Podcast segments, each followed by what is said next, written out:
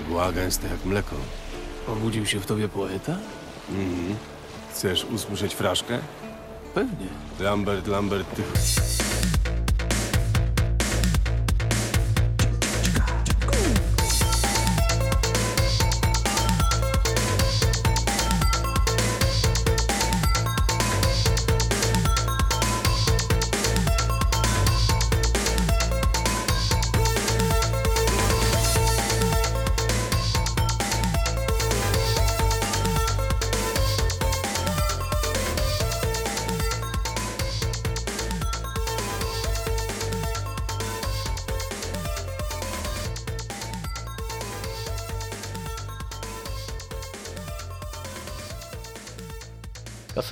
Przewinięta, wciśnięty rek, zaczynamy kolejny, siódmy już odcinek VHS 120, czyli podcastu ogólnogikowego z lekkim skrzywieniem retro. W tym odcinku nawet troszeczkę z większym skrzywieniem retro niż zazwyczaj. Ja się nazywam Wojtek Mruk Mroczek, a ze mną jest... Łukasz Skłolowinkel, cześć siemanko. Cześć Siemanko Skłolu, jak twoja noga? Dziękuję fenomenalnie. Dawno nie miałem tak bardzo skręconej nogi. w dniu nagrywania tego podcastu jest mój ostatni dzień e, trzytygodniowego urlopu, więc wracam do świata żywych, można powiedzieć. Co prawda kulejąc jak herflik, ale wracam. Chciałem się złośliwie ciebie zapytać, czy w związku z Pride Month masz tęczę na kostce, ale ponieważ już powiedziałeś o tym L4, to a, zapytam raczej, jak je spędziłeś. Oj, e, nadrabiając zaległości w grach i starając się jakoś funkcjonować i nie zwariować, będąc trzy tygodnie w domu, bo to jednak um, jak człowiek wpadł w rytm pracy i, i jakiegoś tam poruszania się normalnego, to można zwariować, nie mogąc na przykład wsiąść do samochodu i pojechać tam, gdzie się chce. To jest okropne. To naprawdę szaleństwo jakieś. E, no ale głównie... Naprawdę miałeś problem Tak, tak. z przyzwyczajeniem się do tego, że nic nie robisz, bo ja zawsze mam problem tylko w drugą Nie, stronę. no właśnie to jest straszne, kiedy, kiedy, kiedy wiesz, ciągle, ciągle coś masz na głowie i nagle wszyscy ci mówią, ale odpocznij, nie przejmuj się niczym, No, widzisz. odstresuj się, jesteś na L4, zacznij wypoczywać i, i, i, ciężko jest strasznie wypoczywać, kiedy wiesz, jesteś w tym takim rytmie, nie? Musiałem się, się długo przyzwyczaić, dopiero zacząłem czerpać przyjemność tak naprawdę, nie wiem, ostatnie półtora tygodnia, czyli przez półtora tygodnia się męczyłem i przez drugą połówkę urlopu tak naprawdę zacząłem jakoś tam funkcjonować faktycznie, żeby zwolnić, odpocząć, nadrobić jakieś zaległości w grach na przykład. Mhm. Już drugi raz nawiązałeś do tego, że miałeś zaległości w grach i je nadrabiasz, czyli pewnie chcesz opowiedzieć, co grałeś. No, może może nie, nie aż tak się rzucam tutaj przed kamerę, ale, czy przed mikrofon, ale ale tak, no nie ukrywam, a co innego mam powiedzieć. Czytałem milion książek, no starałem się nadrobić troszeczkę książek związanych z Twin Peaksem i, i kończyło się później, że i tak i tak. Zamiast oglądać serial, bo nadrabiałem, to od razu rzuciłem się do grania, więc no cóż. E, no na początek... Ale o, to poczekaj, po, o, tym, o tym w sumie nie wiedziałem. Ty nadrobiłeś, znaczy mm, zacząłeś tego Twin Peaksa, tak? Tak, Ale tak. nadrabiałeś wcześniej, tak? E, książkę chciałem jeszcze, wiesz, nadrobić, ponieważ ona Książkę. uzupełnia fabułę pomiędzy drugim a trzecim sezonem właśnie. I w związku z tym chciałem jeszcze sobie rozwiązać kilka jakby niedopowiedzeń, które z jednej strony mogą być niedopowiedzeniami celowymi Lyncha, a z drugiej strony po prostu mogą być moim brakiem jakiejś tam wiedzy. Em, więc Bądź wiesz, zrozumienia i oświecenia. 1000, 1500 pytań, które wiesz, Lynch potrafi ci wykrować przy, przy samym pilocie, to już jest to już jest dylemat. E, więc, więc wiesz, ale to była dobra zabawa, więc, więc jak najbardziej okej. A powtarzałeś sobie stary serial? Mm, Nie sezony? musiałem, ponieważ akurat y, wkręciłem moją, moją narzeczoną, żeby ona nadgoniła Twin Peaks, więc e, O, rozumiem. zerkałem jej przez ramię i patrzyłem po prostu co na, na moje ulubione sceny i, i na te, które moim zdaniem były istotne i kluczowe w związku z nadchodzącym sezonem, więc, więc można powiedzieć, że tak, Nasz- odświeżyłem sobie jakby nie, nie w pełni aktywnie, bardziej biernie, ale, ale tak. E, Nasz wierny słuchacz Leszek y, zawsze narzeka, że sprzedajemy mu rzeczy y, typu serial O, bądź, to- to- bądź to- książka i, e, i że potem on musi to obejrzeć, musi to przeczytać i tak go wciąga i potem You, VHS, znowu to zrobiliście. No więc widzisz, Leszku, robimy to również swoim bliskim. Tak, robimy dokładnie to swoim bliskim. E, Czasami jest to bardzo w bólach, ponieważ moja, moja Ola na przykład bardzo narzekała, dlaczego ja jej każę oglądać, bo niektóre sceny jednak z starego Twin Peaks są bardzo cringe e, i, i troszeczkę mogą zmęczyć niektóre sytuacje. A, a nowy sezon to podkręca, bo, bo chcę przypomnieć nam tamte wspomnienia i wrażenia, więc jest dużo podobnych sytuacji, ale bardzo mocno podkręconych, tak troszeczkę prawie na, na, na poziom hiperboli, więc. Twin Peaks 2017, dwukropek The New Cringe. Chociaż nie zmienia to faktu, że na przykład yy, Oli podoba się bardziej e, trzeci sezon jak, jak drugi, więc jestem zadowolony. E, Bo jest masa ludzi, która po prostu nie wie, co się dzieje w trzecim sezonie i po prostu siedzą i, i wariują, więc Wiesz co, ja też nie wiedziałem, co się dzieje w pierwszym i drugim, kiedy je oglądałem za dzieciaka, więc właśnie byłoby to chodzi, no. konsekwentne doświadczenie. No tak, dokładnie. No ale cóż, e, wracając do tych ważniejszych rzeczy, żartuję, czyli gier. em, no cóż, tak troszeczkę stwierdziłem, że będę nadrabiał jakby rzeczy, których e, albo nie skończyłem, albo czegoś mi tam brakowało, coś chciałem jeszcze porobić, e, bo lubię wracać do miejsc, e, zwłaszcza tych wirtualnych, z którymi się, które mi się dobrze kojarzą, więc e, na początek wsiąknąłem troszeczkę w, w Horizon ponownie, żeby zbliżyć się do platyny i, i zbierać wszystkie możliwe trofki. E, no i zostało mi już tylko trzy, więc nie jest źle. I traktuję to bardziej jako przyjemność niż jako coś trudnego, więc No tak, bo ty bardzo w miło jest Horizona grałeś w sumie z dziennikarskiego obowiązku na początku. A A dopiero potem mówiłeś, że przyjemność jest wielka, tak, ale, ale to zawsze jest coś nad tobą takiego, co wisi, że muszę to ograć, bo przecież Tak, jednak. recenzja i tak dalej. Terminy, terminy gonią, więc, więc czasami po prostu jak, jak wpadają kolejne tytuły, to człowiek aż tak z, ze smutkiem patrzy na to, że nie może wrócić w tym momencie do tej tam jakiejś gry, która mu się podobała, bo musi robić inne rzeczy. Tak, trzeba grać w inne rzeczy.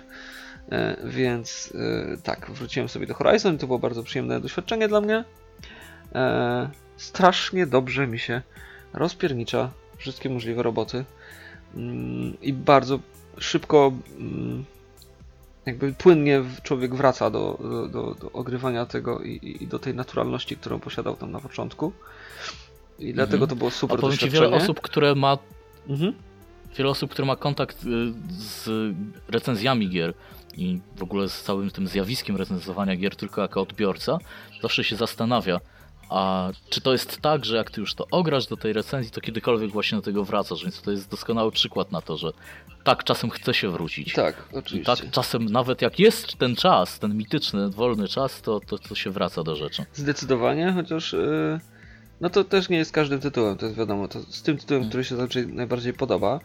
e, Ja miałem, wiesz co, tak y, strasznie takie traumatyczne doświadczenie pracując jeszcze w sklepie GOG.com mm, i robiąc, robiąc tam opisy marketingowe dla y, wszystkich gier, które, które Mhm. wychodziły, że ja czasem jak nie wiedziałem, a do końca, tak, bo tam sporo, sporo gier indie zaczęło wychodzić już za moich czasów, nie wiedziałem z czym się je jakąś grę, no to dostawaliśmy ją troszeczkę wcześniej na ogół, mogłem ją sobie odpalić i zacząć grać. I bardzo często było tak, że ja odpalałem sobie grę, żeby właśnie należycie ją opisać, żeby oddać, te, że tak powiem, jej istotę, jej ducha Mhm. w tym opisie. Zaczynałem grać, wciągałem się, a potem musiałeś musiałem urywać, przestać, tak. bo była kolejna i, już musiałem coś innego robić.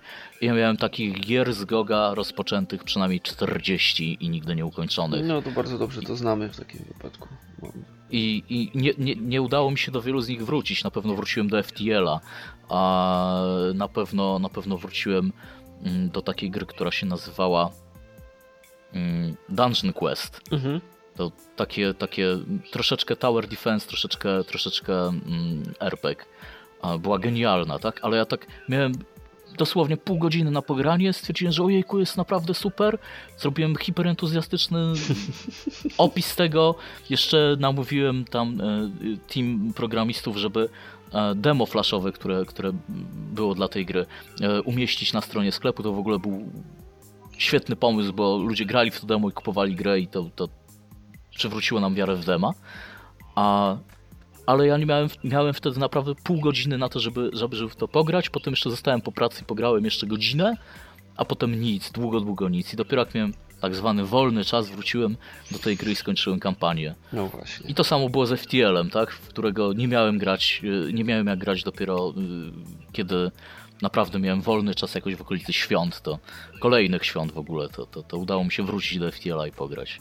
Także jak się pracuje przy grach, to często właśnie dużym problemem jest to, że nie ma czasu na grę. Tak, trudno do nich wrócić. A jak już się wraca, to czasami można tak się zderzyć ze ścianą, bo taki, taką ścianą był dla mnie właśnie Wiedźmin Trójka, e, który po, po moim powrocie, gdzie tak, przyznaję się bez bicia, grałem to tylko i wyłącznie dla przyjemności, nie do recenzji, więc grałem y, tyle czasu, ile mogłem i jak się najadłem Wiedźminem, a można się najeść, e, to e, no, odstawiłem go po prostu i teraz jak wróciłem po roku do Wiedźmina, e, gdzie jeszcze nie tknąłem żadnego z dodatków i w ogóle nie byłem świadom ilu, ile patchy po drodze wyszło, jak bardzo interfejs się zmienił i masa innych rzeczy jak się pozmieniała. Zmienił się sposób sterowania Geraltem, Wszystko tak? się pozmieniało, to jest jakaś katastrofa i to jest właśnie to, to, jest właśnie to że w momencie, kiedy wróciłem po roku, przyzwyczajony jakby jeszcze do, do Horizona, do innych tam open worldowych gier i chciałem zrobić cokolwiek Wiedźminem, to się okazało, że nic, ale totalnie nic nie pamiętam, a mój jedyny save, bo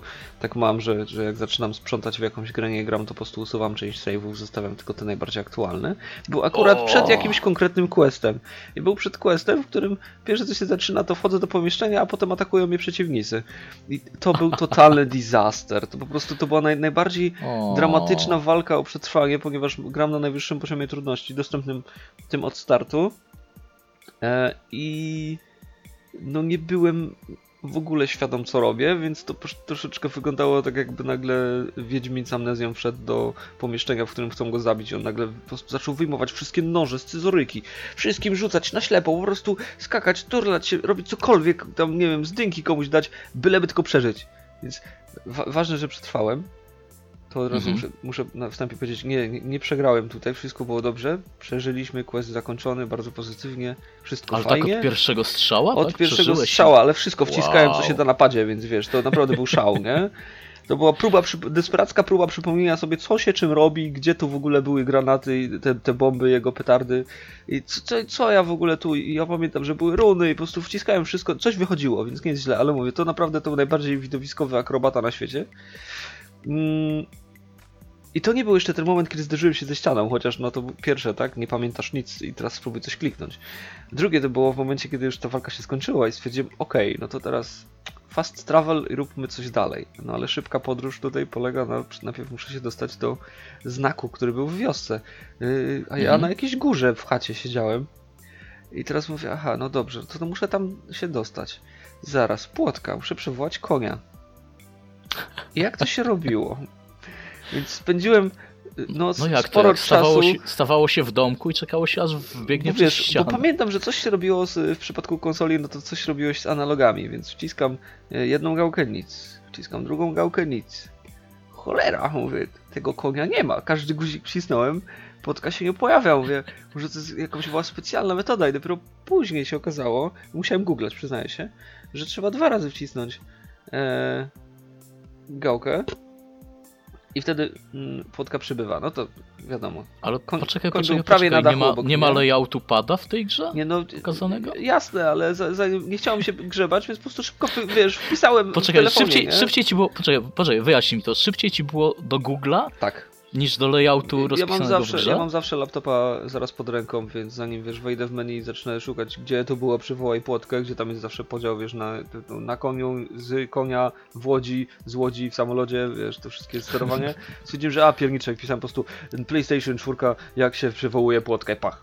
No i wiesz, i się okazało, że całkiem łatwo, więc w końcu wskoczyłem na konia, mówię, nie jest źle, jazda na koniu jest tak jak w większości gier, czyli e, galop na jeden guzik, spoko damy radę, nie? Mhm. Próbuję dojechać do wioski i teraz zaczynają się schody numer dwa. E, tak jak konia byłem w stanie wyhamować, tak nie mogłem sobie przypomnieć jak się z konia schodzi. E, Oj, więc jak zszedłem z konia, czytaj, wcisnąłem guzik, wyjąłem miecz, zapieprzyłem strażnikowi, tak strażnik pomógł mi bardzo szybko zejść z tego konia. Dosłownie jednym strzałem. Więc tak oto y, Geralt Wiedźmin poległ od jakiegoś wiejskiego głupka, bo mm, rzucił się na niego na koniu. Taka kawaleria przybyła do, do, do, do wsi. E, więc y, no troszeczkę było to specyficzne, że przeżyłem desperacką walkę w chacie, ale zabił mnie byle strażnik. E, I wtedy usiadłem faktycznie już do zwykłego sterowania, Nie, no zacząłem je po prostu to- czytać musiałem przejrzeć wszystko. E, Strażnicy w, to w trwało. Wiedźminie to nie ci sami strażnicy, co w Skyrimie. No, no dokładnie, nie? Ale wiesz, chwilę, chwilę to trwało, nie ukrywam. No i później jeszcze oczywiście skakanie po menu, gdzie nie wchodziłem do niego przez rok i co po chwilę tutorial informował mnie, mm, bo to jest nowy layout tego i tutaj możesz teraz robić takie rzeczy i to jest mapa i wiesz co, po mapie możesz jeździć i szukać i masz fast travel i informował mnie o wszystkich rzeczach, które już częściowo wiedziałem, ale wiadomo, że musiał, to, to, to, ten samouczek Mhm. musiał być powtórzony z okazji zmiany interfejsu, więc mm, no troszeczkę mi to zmęczyło. A dopiero zacząłem sw- swoją zabawę, więc bardzo, ale to bardzo szybko przeskoczyłem do Mad Maxa na przykład. Chociaż przed Mad Maxem jeszcze był Titanfall i to tak zerwane kilka nocek. Bo, bo, bo O, chciało mi się. Titanfall. Bardzo mi się Ten chciało pierwszy? robotami poszczelać. Dwójeczka, dwójeczka, bo jest. A dwójeczka. Dwójka jest Ratujmy Tytany. tak, spełnieniem moich y, y, jakby oczekiwań względem tego, jak powinna wyglądać poprawiona wersja Titanfall 1. E, ale no niestety wyszła w tak niefortunnym czasie, że rozeszła się bez echa. I dopiero teraz ludzie zaczynają tę grę tam w jakimś stopniu zauważać i doceniać, bo, bo wyszedł Mhm. e, no kilka tam update'ów z darmowymi mapami i, i nowy darmowy mech, znaczy ta, Tytan i tak jakoś się stało, że, że znowu ludziom się chce grać i w tym mi. I nawet więc jest już na dużych promocjach. jest na dużych promocjach, co też. Warto, warto zwrócić uwagę i, i dać tej grze szansę, jeżeli jeszcze nie mieliście okazji w, nią grać, ponieważ cholerka to jest dobry shooter. To jest naprawdę dobry, płynny, szybki shooter, w którym tytany są bardzo przyjemne, wygodne i, i tak, no. no to, A, a po, powiedz, y, jak ty grałeś w tego Tytana?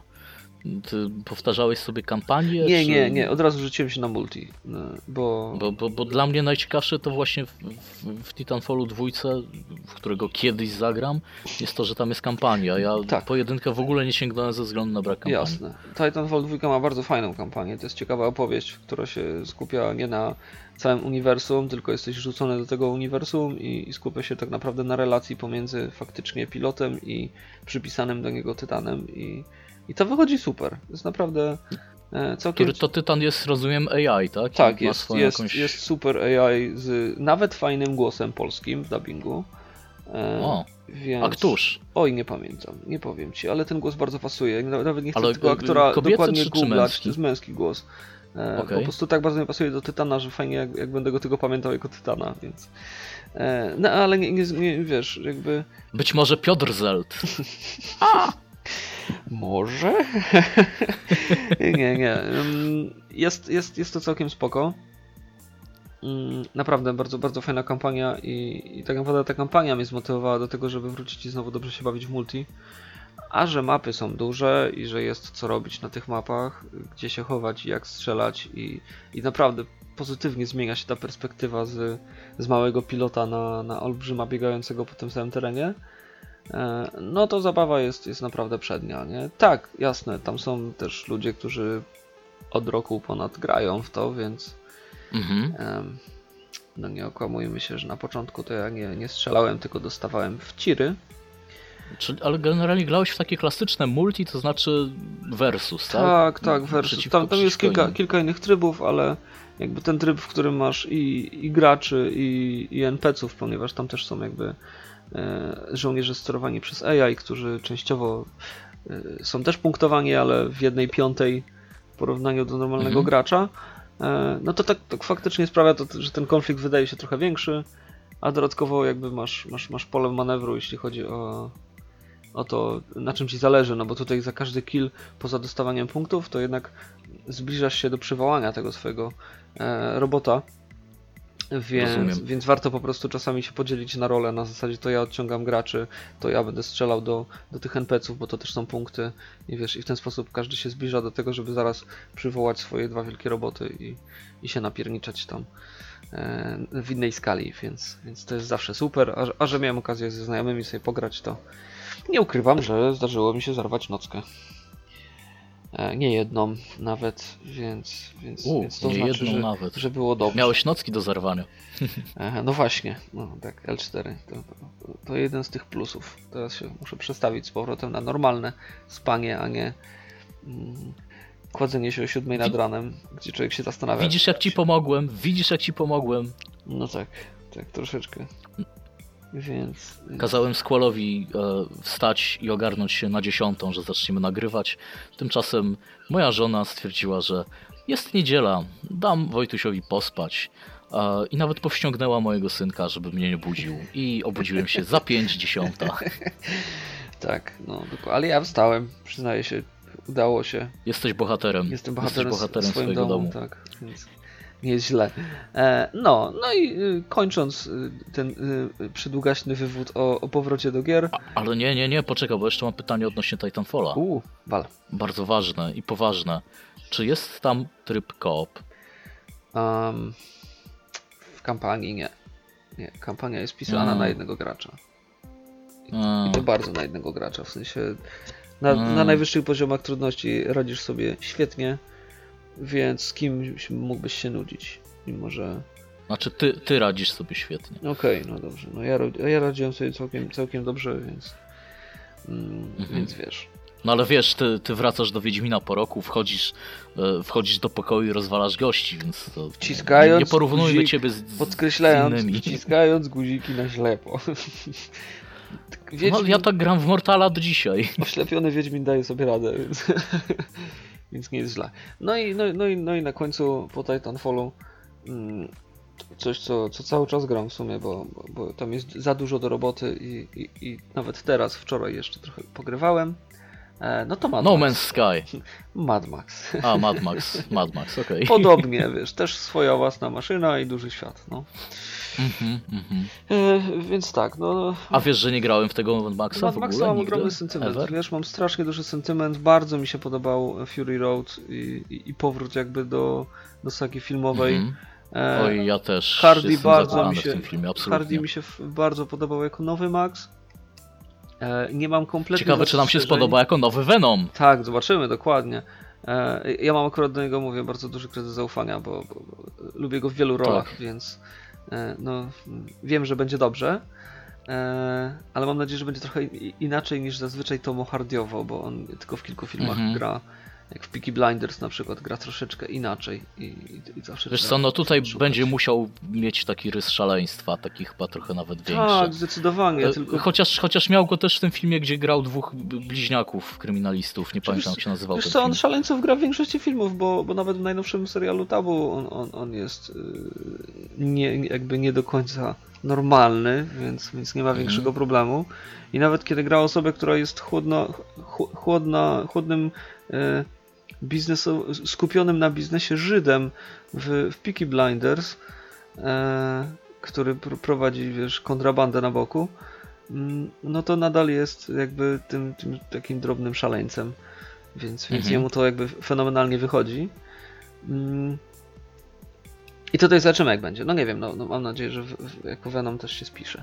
E, no ale tak, Mad Max nic, nic y, do zastrzeżenia jeśli chodzi o film i dlatego też jakby na kanwie filmu, który byłem nakręcony, e, od razu wpadłem, wsiąkłem w, w Mad Maxa przy premierze, mm, żeby się naprawdę pobawić. Ale jakoś tak odciągnęło mnie to. Znaczy zostałem odciągnięty przez inne gry, przez, przez obowiązki, więc Mad Max leżał. Do tego stopnia leżał, że został nawet odinstalowany e, z dysku i ostatnio spojrzałem znowu i mówię, a ta noga w gipsie, nie mam co robić, nie mogę nawet prowadzić samochodu, to chociażby rozpierniczę inne samochody i pojeżdżę sobie po pustyni, bo pamiętam, że to Mhm. było przyjemne jakby w tej grze i, i tak też zrobiłem. Wróciłem do Mad Maxa i, I co? I czy było So Shiny, So Chrome? Wiesz co, fenomenalnie, naprawdę. To, to jest jedna z bardzo niedocenionych gier. A jest świetna, Mhm. jest świetna. To jest open world, który być może nie jest jakiś rewolucyjny pod kątem e, aktywności, bo jest bardzo dużo powtarzalnych rzeczy, ale to nie zmienia faktu, że wszystko robisz w konkretnym celu i to, to jakby ma sens, jest to wyjaśnione e, i się świetnie bawisz. Troszeczkę bym pozmieniał sterowanie Maxem jako, jako, jako postacią, bo jest dla mnie troszeczkę za bardzo drewniany, za mało naturalny. e, być może trochę bym te rzeczy urozmaicił, żeby nie tylko skupiać się na takiej walce typowo Batmanowej, wiesz, czekając na kontry i, i waląc ciosy e, i kombosy, e, tylko właśnie bym więcej troszeczkę jeszcze postrzelał, może pogadał i porobił trochę inne questy, questy, bo tych rzeczy jest mało, ale nie zmienia to faktu, że ten Mad Max jest, jest przyjemny. Jazda samochodem jest super, jest, jest odpowiednio filmowa, odpowiednio niesymulacyjna, e, nie ma nic lepszego jak rozwalenie samochodu, e, wiesz, z wielką eksplozją i lataniem e, fragmentów mm, okrytych paliwem żelaznych jakichś bla, blach i innych gówien. E, Mhm. Bo to naprawdę fajnie wygląda. Wygląda to odpowiednio filmowo, wiesz. To wszystko lata, jest, są smugi czarnego dymu. Czujesz, że. A wiesz co, tak mi się przypomniało, czy ty- Coś. Czy ty grałeś w życiu w taką grę jak Interstate? Ojej, ale to było bardzo dawno temu. Tak, jasne. Ale, gr ale grałeś, tak? Tak, tak. I też A, to później bo chciałem ci powiedzieć, bo, bo, czekaj, był Interstate i było jeszcze później Były dwa Interstate'y. Taki tam 70, 76 czy coś, nie? tak, a potem 80 coś. Ten 80 coś, no, co, co tu dużo mówić, nie, nie jest dobry. Tak, 76, dokładnie. No to to, to 76 grałem. Interstate 76 to jest ta klasyka, Mhm, tak? Natomiast, natomiast potem jeszcze właśnie powstał jakiś Interstate 80 tam ileś, nie pamiętam ile. I on już dobry niestety Wiesz nie co, jest. Interstate był fajny, tylko że ja osobiście na przykład yy, bardzo szybko przeskoczyłem i Interstate gdzieś tam u mnie poszedł na bok, ponieważ to był okres konsolowy i ja grałem w Vigilant 8, czy tam Vigilant 8 e, i, Twisted, Okej. i Twisted Metal, czyli też jakby jeżdżenie samochodem i, i strzelanie się, mm, ale yy, na konsolach. Więc, więc jakby te gry bardziej Rozumiem. pamiętam. E, Interstate'a kojarzę, wiem, że był. Pamiętam samochód Wiesz główny, co, ten pomarańczowy, ale e, jednak jakby tamte gry, nie? A nawiązuje do tego Interstate'a bardzo celowo, bo a, po raz pierwszy chyba na, na ostatnim Pixel Heaven, na którym ja nie byłem, ale mam, e, że tak powiem, swoje wtyki, a twórcy pokazali grę, która nazywa się Nightwolf. Ach, A, tak, tak. I to jest.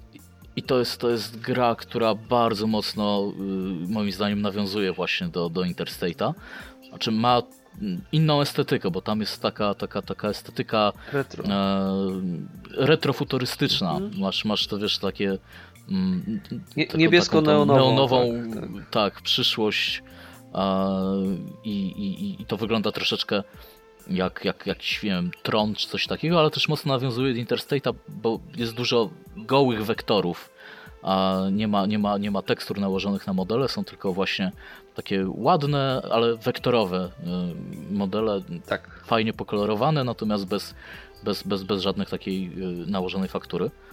Mm, Jak, I jak ludzie, którzy w to grali, właśnie porównują to do Interstate'a, że to jest ten sam, ta sama frajda z rozgrywki, ta sama frajda z, z rozwałki. To I dobrze. właśnie ten Nightwolf to jest, to jest coś, na co, na co na pewno będę czekał. Tak, tylko że właśnie wiesz, to, to były gry, których, w których nigdy nie miałeś tej możliwości wyjścia z samochodu, nie, miałeś, nie czułeś tego klimatu Mad Maxowego, tak właśnie do końca, nie? Że wiesz, czułeś, A ja nie czułeś... jestem pewien, że w Interstate'ie nie było możliwości wyjścia z samochodu. Ja nie, ja nie pamiętam, nie kojarzę. A może, Wiesz, chodzi, chodzi Nie, może tylko w o, ten, o, cutscenkach. to, o, to, o, to, o to Mhm. uczucie takie, które właśnie w Mad Maxie jest to genialne, że, że masz te momenty, że możesz po prostu wyjść i wiesz, i stanąć gdzieś na wzgórzu i, i słyszysz gdzieś tam daleko jak, jak nie wiem, y, jakieś dźwięki rozpędzonych samochodów, wiesz, ryk silników, bo ktoś tam się, się gania, e, słyszysz, czy, czy, czy z drugiej strony ktoś kogoś tam bije, jakieś eksplozje, wiesz, czujesz, czujesz ten świat i nie ukrywam, że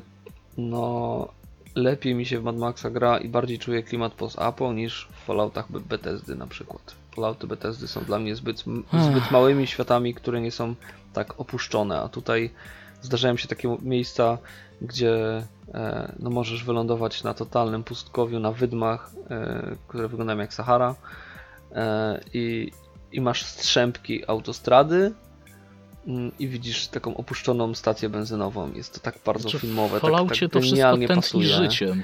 No właśnie o to chodzi, a tutaj jakby, owszem, Tam- tutaj tam- nadal tam jest to naprawdę jest życie, nie? Tutaj naćkane, czujesz, to że ci, że ci ludzie funkcjonują, że tam gdzieś tam w tle masz cały czas gaz, Mhm. gas town, nie?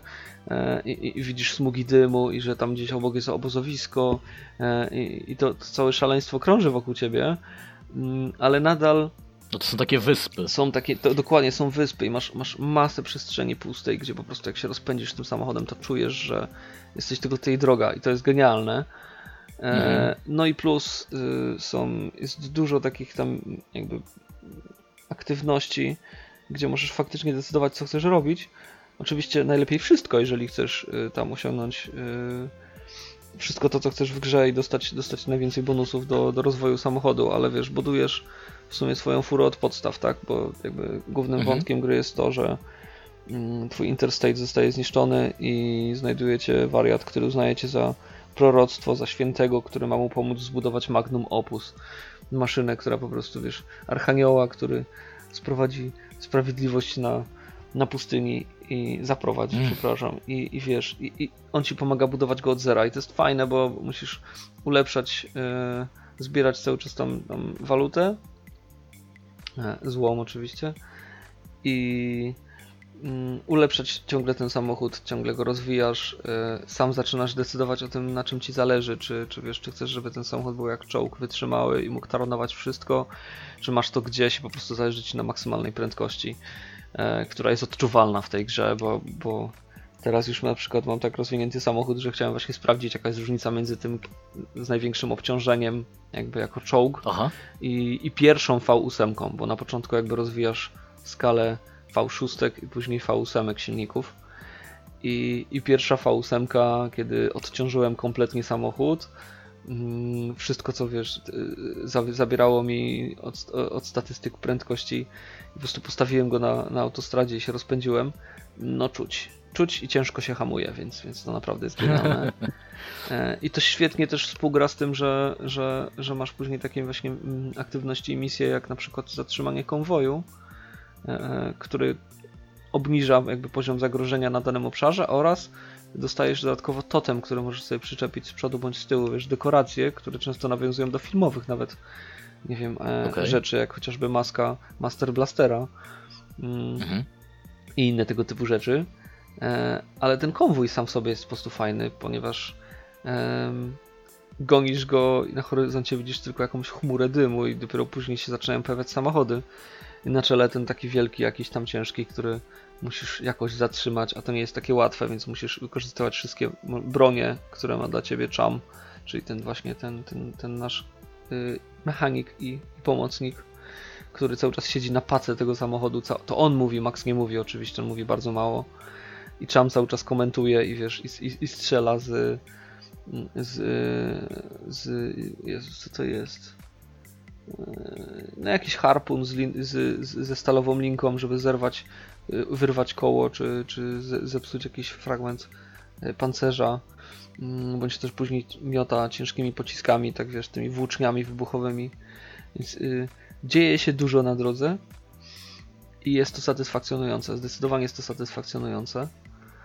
E, więc, więc naprawdę nie spodziewałem się, że będę się, że, że tak się wkręcę ponownie, bo myślałem, że wiesz, że pogram troszeczkę i dam sobie spokój, Aha. a się okazuje, że nie, nie, nie ma szans po prostu. Mm, Wiedźmin leży, znowu. Mad Max jest, jest, jest, jest na topie totalnie, po prostu nie, nie mogę się oderwać i nawet kiedy stwierdzam, że już mi się nie chce, że ech, kolejnie znowu ten kolejny region, muszę tam coś porobić, wiesz, zepsuć jakieś dekoracje, zniszczyć kilka baz, co mi się osobiście naj, najmniej podoba, bo to, to jest jakby chodzenie po obszarze i czekanie aż zaatakuje cię fala przeciwników, których możesz skopać. E, Wiesz, chciałbym jakiejś alternatywy, innej opcji zniszczenia tego, nie tylko jedna taka sama. Mm, Plus na końcu zazwyczaj jakiś tam boss się jeszcze pojawia, którego też trzeba metodą pokonać.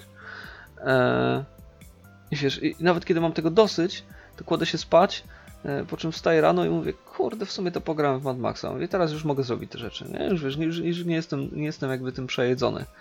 Więc y, super. No, e, dużo, naprawdę dużo dzięki dźwiękom i, i te, temu cały, cały klimacik i smaczek Mhm. otoczenia uniwersum jest, jest super, jest, jest naprawdę na tyle przyjemny, że czasami się po prostu stoi i patrzy, albo nie wiem, próbuje przegonić burzę, bo też zdarzają się burze piaskowe Ja i, i takie Wiem, silniejsze że to burze jest ładna gra. Widziałem dużo, dużo screenów, wiem, że to jest ładna gra. A, a powiedz mi, czy jest tam tak, że możesz sobie mm, wsiąść w ten samochód i rzeczywiście pojechać na te pustkowia i się tam zagubić. Jedziesz, jedziesz, jedziesz i nie ma nic, tylko sobie po prostu po tym jeździsz. To jest Great, Great Beyond I, i Great Beyond to jest naprawdę duża przestrzeń, wielka pustka, bo to jest niby ten obszar, gdzie faktycznie bo, o, tam już, już docieramy do oceanu, e, którego oczywiście nie ma. Mm, I to jest tak, że masz z jednej strony jakby e, nie, nie, mapa nie jest zamknięta. Te Aha. regiony się po prostu w pewnym momencie kończą. To jest tak, że z jednej strony na, na zachód faktycznie wyświetla ci komunikat, że dalej nie możesz zajechać Jasne. i po jakimś czasie ci się sam au- au- autopsuje po prostu. E, I to po całkiem szybkim czasie, więc jak się człowiek rozpędzi, to trudno jest nawrócić. E, Ale jakby druga e, druga część mapy, czyli wschodnia, mm, tam jak przejedziesz przez wydmy i faktycznie dotrzesz do, do Great Beyond, no to sporo jechałem i nie pojawił mi się komunikat, że muszę zawracać. E, Więc Ale tam coś było, czy było nic i można sobie było jeździć? Wiesz, to jest ogromne, ogromne pustkowie. y, Jedyne co utrudnia to to, że tam nie ma szos, więc e, nie jedzie się z taką prędkością jak, jak, jak człowiek oczekuje. Mhm. Mm, Więc jakby to jest jedyne utrudnienie. Y, Znaczy twórcy, powiem ci od razu, pytam dla przyjaciela, tak? twórcy mówili, że tam są Konkretnie chcę rzeczy... posadzić dziecko, żeby, Aha, no myślę, że żeby tak. sobie pojeździło. Myślę, że tak, że, że mógłby spokojnie tam jeździć, ponieważ z tego co, z tego co kojarzę, no mówię, twórcy napisali i, i, tam w jakimś wywiadzie mówili, że Great Beyond jest jakby niekończącą się przestrzenią, e, gdzie możesz tak daleko jechać, aż, aż e, e, póki starczy ci paliwo. Tak, że jest paliwo Okej. do uzupełniania. Więc bardzo jakby chcę podjąć to wyzwanie. Zwłaszcza, że podobno tam są jakieś, jest więcej złomu, czy jakichś rzadkich rzeczy, no bo e, żeby do nich dotrzeć, no to musisz się nieźle napocić. Może, Rozumiem. możesz mieć e, brak, wiesz, brak możliwości powrotu też może sprawić, że będzie większa frajda w tym poszukiwaniu skarbów tam. Ja tego jeszcze nie zrobiłem. Ja dojechałem tylko troszeczkę, po czym gdzieś mi tam pingnął e, quest po drodze i stwierdziłem, że dobra, to ja nawracam, bo zaraz obok tutaj jest ten quest i już, już nie wróciłem na pustynię, ale chcę wrócić na pustynię zdecydowanie, bo, bo, bo bardzo mi się podobało to, że mogę to zrobić. To, to naprawdę jest cholernie satysfakcjonujące. Mimo, że obszar Wydm na przykład jest terenem, który już sam w sobie jest pustynny i sam w sobie jest pustawy i przejechanie jego już zajmuje trochę czasu, więc e, no jest, je- jest co robić, jest gdzie jeździć. Jakby tak człowiek nie chciał jeździć skrótami i cały czas faktycznie samochodem, no to, no to jest ogromny obszar. Za, za, zachwycająco duży obszar i naprawdę mam nadzieję, że mm, jakby mimo wszystko, mimo takiej, a nie innej sprzedaży, twórcy będą chcieli robić kolejną część. Miejmy nadzieję, że przy okazji kolejnego filmu, bo, Mhm. bo ja bardzo, ale to bardzo chciałbym wrócić jeszcze na, na pustkowia, bo są świetne, naprawdę świetne. A dla mnie fascynujące jest to, że Mad Max jest postacią, która przetrwała swojego oryginalnego aktora. Tak, tak, zdecydowanie. Że tak jak było wiadomo, że Mel Gibson to jest Mad Max, to ta postać funkcjonuje już spokojnie bez niego. Czy to jest fajne, ponieważ tak naprawdę. E, To jest bardzo fajne, zważywszy na to, Wspominając- jak Mel Gibson odjechał, tak? E, Oczywiście, tak, tak, ale, ale nie, bo chodzi mi o to, że e, jakby analizując to z perspektywy jakiegoś fana, bo jednak e, Mad Max jest jeden z moich ulubionych bohaterów, to to jest fajne, że nigdy nie łączyłem tego z aktorem. Że okej, Gibson jest, jest, jest super i, i bardzo fajnie, że, że grał Mad Maxa, Mhm. ale jakby Mad Max dla mnie to było, wiesz, to, to, to była też idea, nie? To, to nie? to nie było tak, że to był jeden konkretny bohater. Więc... Nawet w filmach, tak? Na, nie- tak, nawet w filmach. byłeś- Nawet w filmach, właśnie przez to, że te opowieści zawsze były jakby tak c- c- zamknięte w jakimś tam stopniu, tak? Każda, Mhm. każda część, że ona sprawiała, że właśnie to był, to, to uniwersalny bohater dla mnie, że nie miałem poczucia, że to są kontynuacje, że to są oddzielne opowieści, że po prostu nadal się pojawia Max i nadal się pojawia ten samochód. E, jakby to zawsze musi, musi, musi być interceptor i, i wiesz, i możliwość napierniczania, ale, ale to wszystko było od, od, oddzielna opowieść, jakby o tej jednej zbliżonej postaci. To tak wiesz, jak zawsze jest. No w bajkach dla dzieci zawsze on- masz jakiegoś myśliwego, y, i wiesz, i możesz sobie wyobrażać ciągle jedną postać i ciągle jedną twarz tego myśliwego, ale to zawsze jest opowieść o innym myśliwym i to jest dla mnie to samo, nie? Mhm. No to właśnie jest niesamowite, że w tych filmach, w których Gibson grał, on za każdym razem był innym Maxem. To też fakt. No, dokładnie. Że on był troszeczkę... Ja pamiętam, że miałem swoje wyobrażenie na temat Mad Maxa i kiedy zacząłem oglądać Mad Maxa jako dzieciak, a to po pierwszym filmie byłem mega rozczarowany. Że on jest tam taki zwykły. Że, że, że to jest po prostu gość, tak? Że to jest, to jest, to jest facet, który, któremu coś tam się dzieje, tak? Ale on nie jest jakimś ani wiesz, ani jakimś super kozakiem, ani e, nie jest jakimś takim pomyleńcem, tylko jest po prostu facetem, tak? który ma swoje traumy, z którymi sobie jakoś tam radzi i ma swoje, powiedzmy, przygody, tak? Tak, dokładnie. Ale ja tam patrzyłem i zaraz moment, gdzie, gdzie jest to postapo tam? Gdzie, gdzie, gdzie jest to wszystko, na co, na co, czego ja się spodziewałem, na co ja czekałem? Co, co tutaj czyni go takim, takim mega ciekawym bohaterem? I ja tego tam w tym pierwszym Mad Maxie nie widziałem. Kolejne dopiero nakręcały ten, ten, ten, ten, ten niesamowity klimat. A, ale jakby kupiłem to, tak? W którymś tam momencie stwierdziłem, no dobra, to, to, to, jest, to, jest, to jest fajne i ta postać naprawdę robi. E, To jest taki heros. Tak.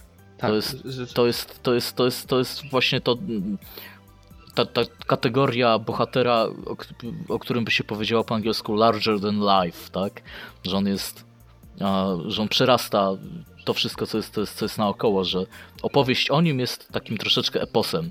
Zdecydowanie, tak, tak. No właśnie tutaj to, to jest je, je- jeden z tych moich ulubionych typów bohaterów, które bardzo kontrastują, ponieważ ja, ja mam jakby dwa typy bohaterów i to są kompletne przeciwności, przeciwieństwa, ale Mad Max jako milczący bohater, który po prostu przestaje mówić, bo on już się nagadał, on już się nacieszył, teraz trzeba po prostu robić, jest, jest, jest bardzo specyficzny i bardzo mi się podoba.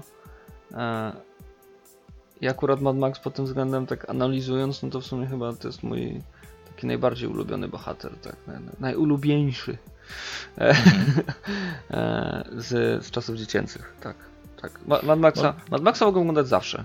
To nie jest tak, że wiesz, na, na nie wiem, na Robocopa czy, czy na inne filmy pokroju Guyvera y, musiałem mieć klimat, musiałem mieć ochotę. Tak Mad Max niezależnie czy on leciał w telewizji, czy, czy, czy akurat wsadziłem do, to do y, magnetowidu kasetę, mm, czy nawet przechodziłem y, w wypożyczalni wybrać kompletnie inny film, to zawsze jak przechodziłem obok Mad Maxa, gdzie, gdzie dwójka i trójka miały jednak fenomenalne okładki e, na tych, na tych VHS-ach, mm, no to chciałem mimo wszystko jakby wracać do, do, do tego i zdarzało się, że moja mama przepłacała, bo wypożyczaliśmy znowu Mad Maxa na przykład dwójkę, bo ja, ja, ja, osobiście dwójkę bardzo lubiłem, trójkę też, ale, ale no jednak dwójka, dwójka to był specyficzny klimat, który no, był dla mnie najlepszy. Niepostrzeżenie rozpoczęliśmy nasz temat wydania, bo pomyśleliśmy sobie, że pogadamy trochę o czymś, co hasłowo nazywaliśmy badasy naszej młodości, Tak. A, czyli, czyli te postaci, które gdzieś tam właśnie przez te wypożyczalnie przede wszystkim sączyły się do naszych umysłów, chociaż też trochę i, i, i z telewizji. Um, I zaczęliśmy od Mad Maxa i co za tym, co za tym idzie Mel Gibson, no bo wtedy to jeszcze tylko i wyłącznie Mel Gibson. A, chociaż w komiksach na przykład Max nie, nie miał zawsze twarzy Gibsona. Gibsonowej, dokładnie. E, I tak jak, tak jak na przykład Tom Hardy mi bardzo pasuje do roli Maxa i jego twarz też jest wystarczająco dla mnie Maxowa, tak e, nawiązując jeszcze do gry, to jest jedyna rzecz, która mi w tej grze naprawdę przeszkadza, przez którą mam opór, żeby rozpocząć granie. Mhm. A Mad, Mad Max wygląda tam, Max wygląda tam jak taki generic a, white gaming guy, tak? No właśnie nie jest. Taki- I, i to, to ja też tak miałem wrażenie na początku. Znaczy on mi wygląda jak Joel po prostu z, z The Last of Us, y, skrzyżowany z, z nie wiem, z jakimś jeszcze innym kolesiem, z bohaterem na przykład ostatniego Call of Duty, tak? Wiesz co, ja pierwsze co zrobiłem to Maxowi zdjąłem kurtkę, żeby biegał tylko w szelkach y, z, z nabojami do, do obrzyna. E, Okej. I po- wysmarowałem mu całą gębę smarem, bo, bo masz jakby takie, takie możliwości tam, wiesz, drobnego zmieniania wyglądu. I, i to był Max, taki, Widzisz, wiesz, odpowiednio szalony, który, który, który mnie satysfakcjonował i pasował do samochodu na tym etapie, którym wtedy miałem. E, wiesz, cały wybombany kolcami z czerwonymi ornamentami, po prostu idealnie pasował mm, do tego, do, do tego szaleństwa, które sam sobie wytworzyłem. Mm, Ale prawda jest taka, że później dopiero tak jakby w ramach gameplayu e, i, poszczególnych scenek on się faktycznie staje Mad Maxem. Tak, tak, tak pasuje ta twarz, zaczyna pasować. Ona na początku jest taka dziwna troszeczkę, że ten Max nie jest do końca taki, taki jakiego człowiek oczekuje. Mm, Ale później. Z... O, wiem kogo jeszcze mi przypomina, tego, tego gościa z mm, Shadow of Mordor. O właśnie, nie jest talionowy. To jest to, naprawdę. Jak mu możesz, w momencie nakładasz mu gogle, zapuszczasz mu włosy, tak troszeczkę minimalnie, e, i, i zapuszczasz mu brodę, to on kompletnie nie przypomina nikogo z żadnych gier możliwych. E, Okej. i, I wtedy jest naprawdę fajny. I później nawet jak go ogolisz, to stwierdzasz, to już jest mój Max, nie? Już, już, już jest twój, już, już, już zdecydowanie pasuje ta postać. I jego Mhm. gęba, jego gęba jest ok. Tam na początku była dla mnie trochę za bardzo pucołowata taka. E, bo wiesz, bo jednak Gibson troszeczkę był wychudzony do tej roli. Mm, I nawet w trójce był troszeczkę taki chudszy. I Hardy ma takie twarde rysy, ale bardziej, wiesz, kwadratowo-podłużne. A on był taki okrągły w tej grze. E, Ale nie, to też jest jakby moim zdaniem coś, do czego można się przyzwyczaić nie, nie, nie, nie widzisz, nie rzuca się to w oczy tak bardzo. To już jest twój max po jakimś czasie, naprawdę. Okej. E, a im bardziej zakrwawiony, tym lepszy, więc już w ogóle, nie?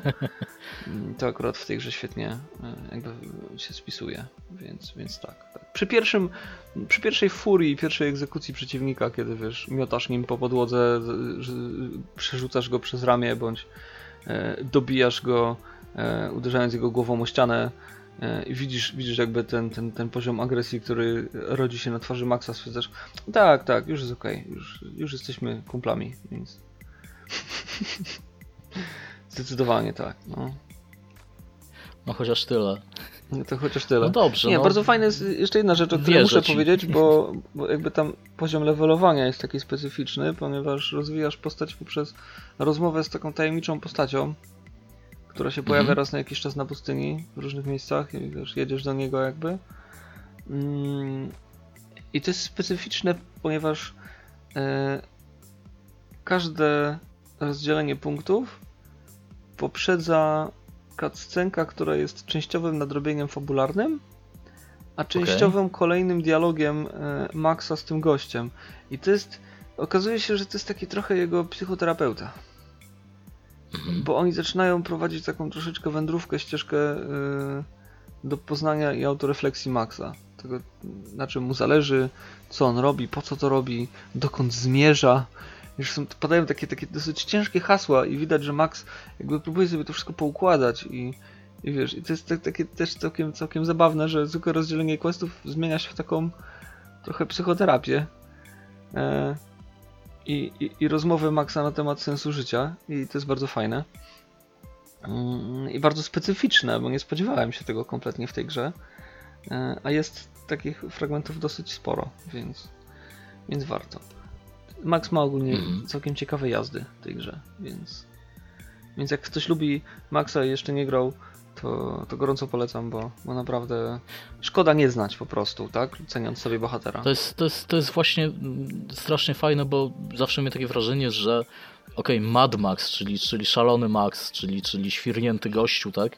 Gdzieś z pustkowi i miałem wrażenie, że filmy nigdy nie pozostawiają dosyć miejsca na eksplorowanie tej, tej, tej jego strony, tak? Bo on zawsze musi jednak zewrzeć dupę w troki i być tym bohaterem. Tak, więc on wiesz, jemu się nie śnią koszmary, on się nie budzi z płaczem. Mhm. E, A, a, a tutaj mamy grę, więc jest, Jest- przestrzeń na to, żeby, jest, tak. I do tego żeby tak- też to włączyć. Takie, takie zabawne, że zaraz po tym rozdzieleniu questów y, on jest na czworakach. Tak jakby miał właśnie halucynacje, wiesz, jakby to wszystko Aha. nie było. y, W ogóle jakby to sp- spotkanie z tym powiedzmy szamanem e, ma taką otoczkę mistyczną, tak? Zmienia się troszeczkę e, estetyka, wygląd e, ca- ca- całego terenu. mm, słychać jakieś tam szanty w tle, wiesz, jakieś dziwne dźwięki i to wszystko ma takie fajne... Szanty. Znaczy szanty, Morskie. szanty. Nie- to, nie to Czanty. słowo, czanty, tak.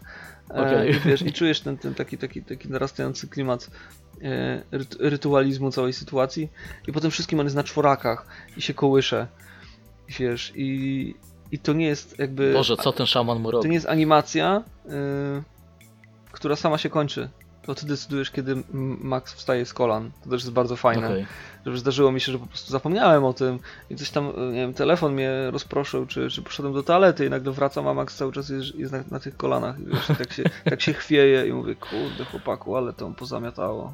No, dobra.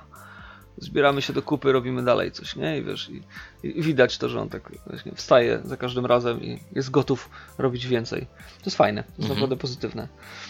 Mm, Czyli co, dla ciebie takim największym właśnie kozakiem tej epoki VHS to Mad Max, tak? Tak, tak, zdecydowanie Mad Max na drugim miejscu.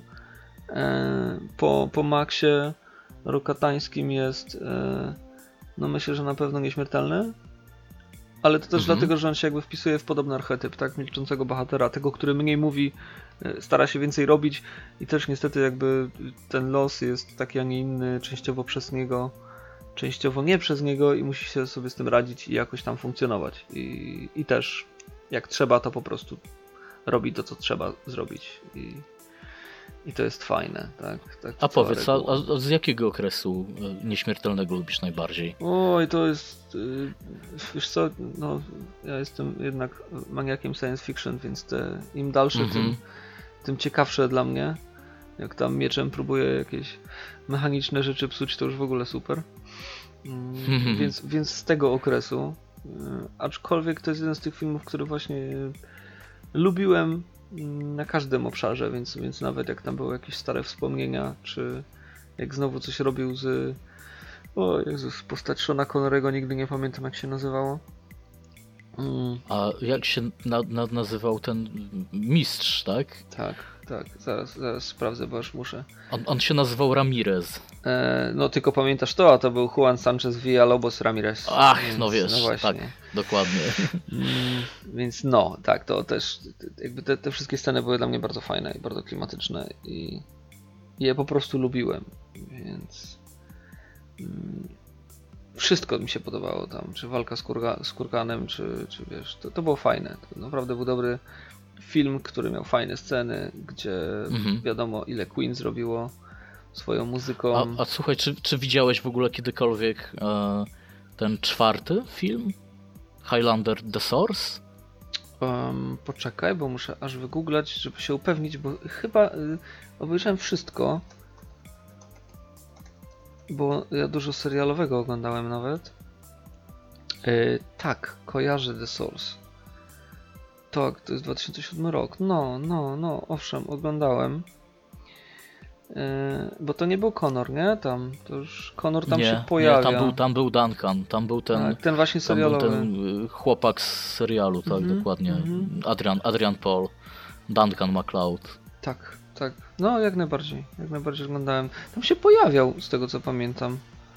Eee, L- Lambert? tak, pojawiał się Lambert. Chyba tak, musiał być. Albo Może się, był. Nie wiem, nie Albo pamiętam. się mylę. Znaczy ja w ogóle tego, tego akurat nie oglądałem, nie oglądałem tego The Source.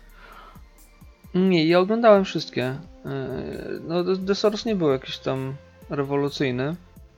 Mhm. Był bardzo na poziomie serialu. Okej. O, po, Okej. powiem, powiem tak. Ja Mi się z strasznie lubiłem, słuchaj, e, tą, tą, tą drugą część, na którą właśnie obrazili się fani klasycznego Highlandera, a, czyli, czyli The Quickening. To jest ta właśnie, która tam, wiesz, miała właśnie fragmenty science fiction, nie? Tak, tak, tak. To jest właśnie to, gdzie cały ten, wiesz, lore jest tak rozwinięty na, e, mm, na, na, na, na przyszłość. Tak. Nie, no zdecydowanie to był bardzo dobry film. Nie rozumiem, nie rozumiem Wiesz- ludzi. Znaczy, no, mogą marudzić, mi się bardzo podobał. To, to, to była esencja dla mnie y, czasów VHS właśnie i, i tego, co, cze- czego może się człowiek spodziewać po wideo i, i tego, co tam jest. O, Mm. przepraszam, bo mi się pomieszały. No widzisz, zm- zmieszały ci się, tak. Yy, The Source się pewnie połączyło z Endgame, Endgame'em. gdzie rzeczywiście tam ich było Czyli dwóch. The Source jest piątą częścią, tak. I, i, i Piątą, ona, była, no. ona była, tak jak mówię, no, serialowa. Ale Endgame był i tam oni byli razem we dwójkę Duncan i Byli. Tak. I to było spoko. Byli razem, ale to była totalna klapa, pamiętam, że... Nie, mi się podobało. Mi się podobało. To, to, jakby to, to skontrastowanie Znaczy mi się też dwóch podobał, bohaterów, tak? Tylko nie? chodzi mi o to, że to w ogóle nie zarobiło w kinach. I tak lepszy, tam- lepszy skoro jak ten poprzedni. Tam był taki dosyć skromny budżet, który takim się nie zwrócił, ale e, ta trzecia część, The Sorcerer, strasznie, strasznie po tym skaczemy, idziemy, idziemy achronologicznie kompletnie, a The Sorcerer to był zły film. mm, Holipa chyba najmniej z niego pamiętam. Mhm. Tak, to był ten, gdzie był Kane, tak? Tak, tam był Kane. Tam był Kane. Kane, był, okej, pamiętam. Kane był straszny. Tak. I to nie straszny w dobrym tego słowa znaczeniu. Czy nie, no podobało mi się, że y, Kane y, umarł, tak. To... Ta postać mnie wkurzała, tak. To, to, na tyle mnie irytował, że, że bardzo się cieszę, że po prostu padł. O, mogę tak powiedzieć. Mhm. Mm, więc kibicowałem po prostu Conorowi bardziej, nie? No ale to nadal mówię, to nie były filmy, które tak jak Mad Maxa jakoś tam analizowałem, bo, bo to była daleka przyszłość i, i zastanawiam się, czy możemy kiedyś do takich czasów dojść. Tak Highlander No tak, dla mnie od początku był już na tyle fantaz- fa- fa- fantastyką, fantazją, wiesz, przez, przez nieśmiertelnych samych w sobie i ich idee.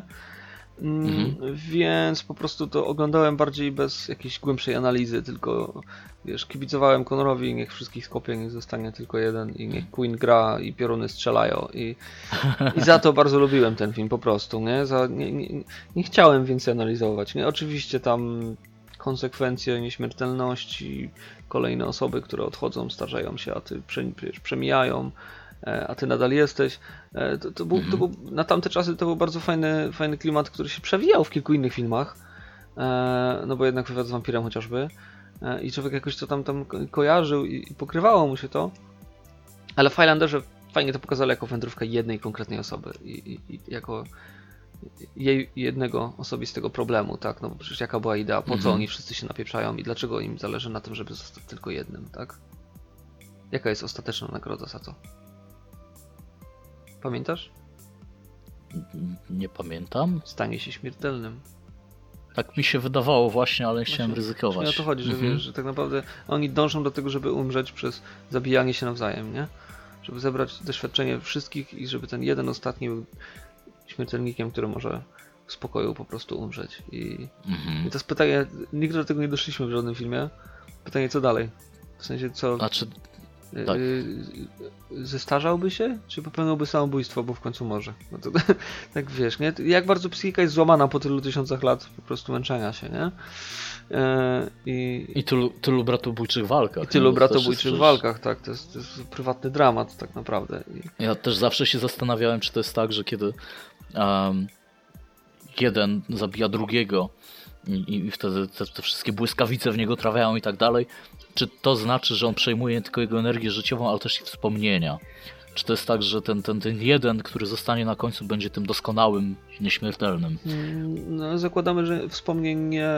mm, Znaczy wspomnienia może jakieś, wiesz, tak, bardziej taką pamięć genetyczną, tak? Czy to, czy to po To prostu ma jakiś ewolucyjny tak. sens dla ich rasy, tak? Że oni się w ten sposób... Jedyne co, to, Doskonalą, to tak? faktyczny Mhm. pamięć, y, jakby pamięć ewolucyjna i, i, i cała, cała moc zebrana w, w trakcie nauki walki, no bo jednak nie okłamujmy się, jakby tylu popaprańców miał już w sobie, zgodnie z, wiesz, z, z y, jakimś przejmowaniem psychiki, to no Conor McLeod byłby skończonym dupkiem na końcu Mm, i, i naprawdę niebezpieczną jednostką, więc, e, więc zdecydowanie No. nie. Trochę był. E, więc Znaczy wiesz co, może wiesz, nawet nie tyle pamięć, co jakieś takie, nie wiem, zrozumienie postaci, coś, coś takiego, wiesz, doświadczenie. Ja myślę, że po prostu zwiększał mu się exp. Tak, nie okłamując się. Może. Najzwyczajniej może, w świecie po może, prostu nie może. mógłby, nie mógłby rozwinąć expa ścinając głowę innym ludziom, tylko musi mieć cały czas tylko tych. No, trochę jak w Wiedźminie, gdzie tam, wiesz, już te niższe questy ci nie, nie dają expa i tylko musisz, wiesz. Tak, dokładnie, to na, na, na, w tej skali było mniej więcej, nie? Tylko, Jestem już na takim bossów. poziomie, że tylko nieśmiertelni dają mi expa. Tak. No, ale tak, Christopher Lambert, on, on jest takim nieoczywistym badasem e, VHS-ów. Tak, i to ja, ja osobiście A- mam tylko dwóch takich typowych. Ja nie, nie wiem, czy ty masz Mhm. jakichś kolejnych badasów, których, bo ja na przykład, Znaczy, nie wiem, wiesz co, ja na przykład jeszcze, jeszcze właśnie a propos Christophera Lamberta, Mhm. on, on jeszcze miał dwie takie bardzo charakterystyczne dla mnie role. Pierwszą z nich jest e, taki film, który nazywał się Forteca, a, który, który Luc Besson potem troszeczkę a, sobie przysposobił a, i, i, i zrobił po swojemu. I, I nawet chyba musiał się za to wypłacić, z tego co pamiętam. Chociaż może to był, może, może też się musiał wypłacić e, twórcom ucieczki z Nowego Jorku, nie pamiętam, ale, ale, ale, ale było coś takiego. W każdym razie e, Forteca. E, Christopher Lambert jest postacią osadzoną w e, więzieniu o bardzo zaostrzonym rygorze i on z niego się musi wydostać. A nie wiem, czy to widziałeś, ale, ale to jest e, kojarzę. taki, taki tak, to jest, to jest, taka, to jest, taka, to jest taka dystopia, tak? To jest y, taka mroczna wizja przyszłości, gdzie naprawdę jest bardzo, bardzo kiepsko. On miał on tam bodajże- takie śmieszne włosy i przypominał mi strasznie innego aktora, który grał e, Punishera w pewnym momencie. Miał identyczną Możliwe. fryzurę. Możliwe, możliwe, bo nie ma, nie ma jej na okładce, nie ma jej na okładce VHS-a, a, y, na którą właśnie patrzę, wygląda tam całkiem normalnie. A, natomiast to było, a, to był niesamowity film, bo tam było wszystko, naprawdę tam było wszystko. Bo raz, że tam była taka właśnie dystopijna wizja, gdzie on tam z tego co pamiętam w ogóle zostaje skazany na dożywocie za to, że ma drugie dziecko. Mhm. A jest, wiesz, ścisła polityka, że, że, że jedna para może mieć tylko jedno dziecko. O, przepraszam, A- że się wcinam. Tak, y, to, No. Thomas Jane, czyli ten, który gra Millera w Expanse. Okej. To on miał bardzo podobną fryzurę, oni się- nałożyli w tym momencie tak bardzo. Thomas Jane jest tak No, współcześnie rozumiem. troszeczkę Lambertem, nie? O, trochę tak, to, Mm. to, to prawda. No, W każdym razie tam, wiesz, tam potem jeszcze były jakieś cyborgi, jakieś, jakieś, jakieś wiesz, uciekanie przez laserowe zasłony. Tak, tak, pamię, Cuda, pamiętam ten film. Cuda biegał się w działy, takich to... ten, pomarańczowych y, w skafandrze takim bardziej, nie? Przez, przez, Mhm. przez większość filmu.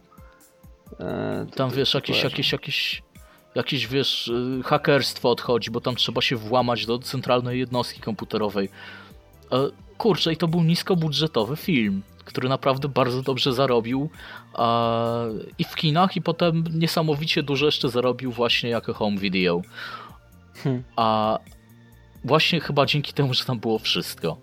I to jest taka historia, którą spokojnie mógłby, wiesz, y, napisać jakiś, jakiś wiesz, mm, jakiś Dick czy, czy, czy, czy, czy, czy inny tego typu a, y, człowiek, ale równie dobrze mógł to po prostu napisać scenarzysta, który stwierdził, dobra, wpierdzieli mi tam wszystko. A, I e, to, jest, to jest jeden taki film, gdzie właśnie Lambert jest takim badasem, znaczy on jest tam badasem z tego właśnie typu, który też e, jest taki wycofany i, i, i też zbiera, zbiera solidny wpieprz, ale wychodzi zwycięsko, przynajmniej w jednym, e, przynajmniej w jednym, wiesz, e, z zakończeń, bo, bo, bo jest tutaj kilka zakończeń możliwych i gdzieś tam potem na DVD można było sobie obejrzeć oryginalne zakończenie, które nie było takie różowe. A i to jest jeden film. A Mhm. drugi film, Tarzan. który bez Lamberta dla mnie nie istnieje. Nie tam Tarzan. W nosie z Tarzanem. Słuchaj, Lambert jest dla mnie i zawsze będzie Lordem Raidenem. Okej. Faktycznie. Po prostu ten pierwszy filmowy Mortal Kombat dla mnie bez Lamberta by nie, nie istniał. Okej, to już On 95 wprowadzał- rok, ale tak, tak, no. On wprowadzał tam taki, ale to wiesz, to jeszcze, jeszcze, jeszcze też zdążyłem obejrzeć na VHS-ie, nie? A on wprowadzał tam kurczę, tak, tak, taki on tam prawie łamał czwartą ścianę. On Mm, był tam na tyle, na tyle e, taki ironiczny w stosunku do innych, e, do innych postaci. E, tak bardzo mrugał okiem do widza, że miało się takie wrażenie, że kurde, ten gość wie, że to jest e, film, który w dodatku jest ekranizacją gry komputerowej i, i, i że, że on tutaj tak, tak sygnalizuje, że hej, hej, to, to, to, to wszystko jest zabawa, a jednocześnie miał mm, bardzo specyficzny taki mm, taki rys jego Raiden. A mimo wszystko jednak był tym było widać, że, że, że, że jest tym bogiem, tak? I, i nie obowiązują go te, te wszystkie zasady, które obowiązują śmier- śmiertelników. Zdecydowanie, tak. I brakowało mi go później w, w drugiej Mhm. części. Tak jak dr- Także dr- drugą część lubiłem za, za wiele rzeczy. E, tak Była bardzo, fajna. bardzo, ale to bardzo brakowało mi właśnie Raidena. Bo James, Mhm. James Remar niestety, lubię tego aktora bardzo. Mm, tak jako Raiden się w ogóle nie spisywał. To, to, to kompletnie nie był, nie był jego świat. Niestety.